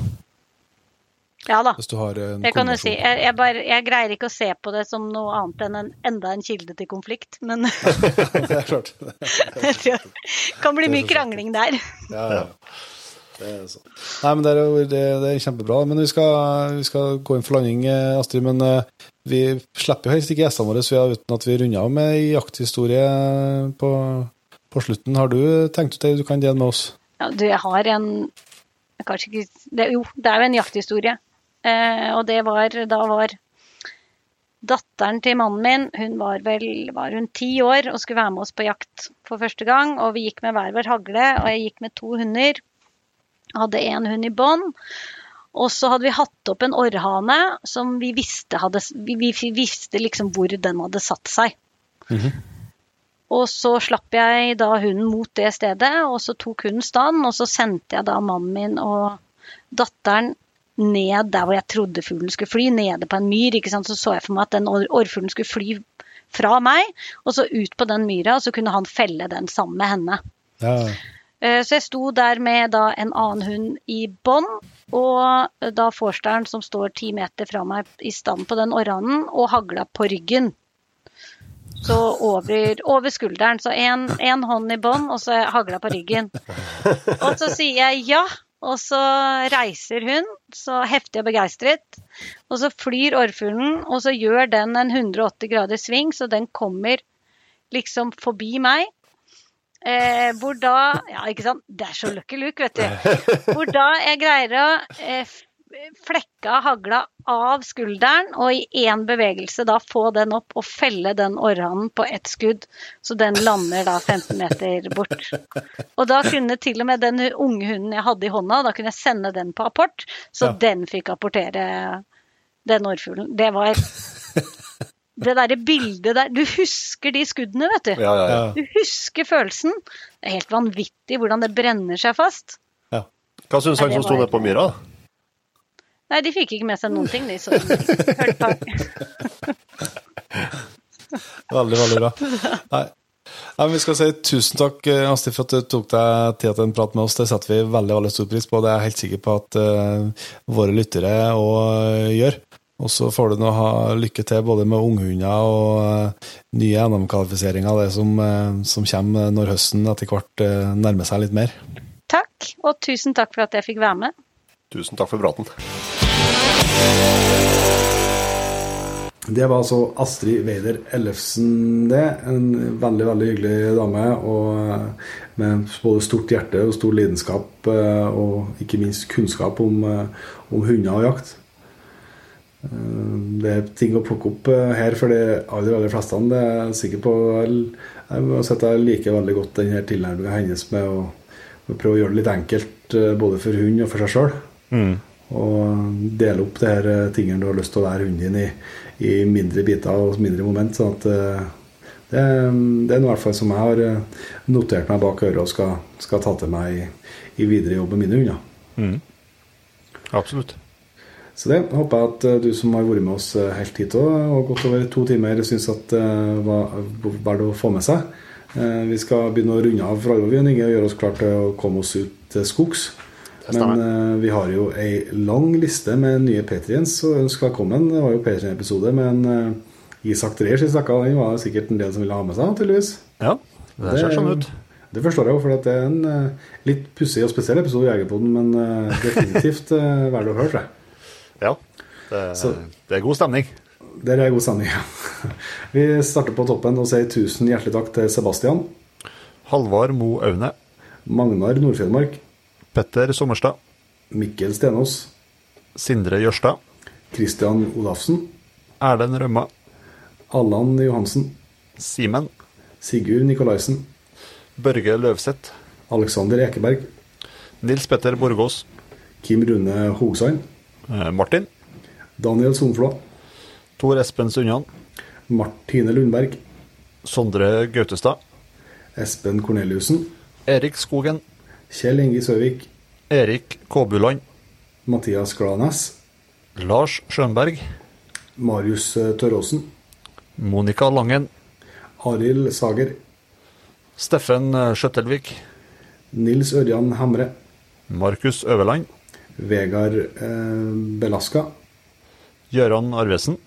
Martin Hansen Terje Opstad. og Even Ønesøyen. Onesøyen, unnskyld. Tusen hjertelig takk til dere, og selvsagt til alle sammen som allerede utgjør P3-laget og gjør det mulig for eh, oss å drive med dette. Det er, setter vi jo umåtelig, umåtelig stor pris på.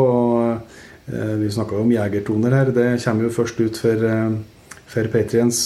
Vi har litt flere jaktfilmer liggende ute der, og det ligger nå godt over 30 episoder med ekstra innhold kun til Patriens ute der. Så hvis du er med i jaktlaget, må gjerne sjekke ut det. Og hvis ikke, så er du nå hjertelig velkommen inn. Det ligger lenke i beskrivelsen av episoden her. Det så gjør det. eh, skal vi bare ta Knut på skoen og komme oss ut.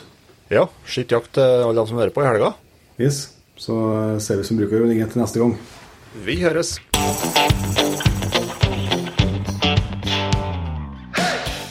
Tusen hjertelig takk for at du valgte å bruke litt av tida di på Jegerpodden.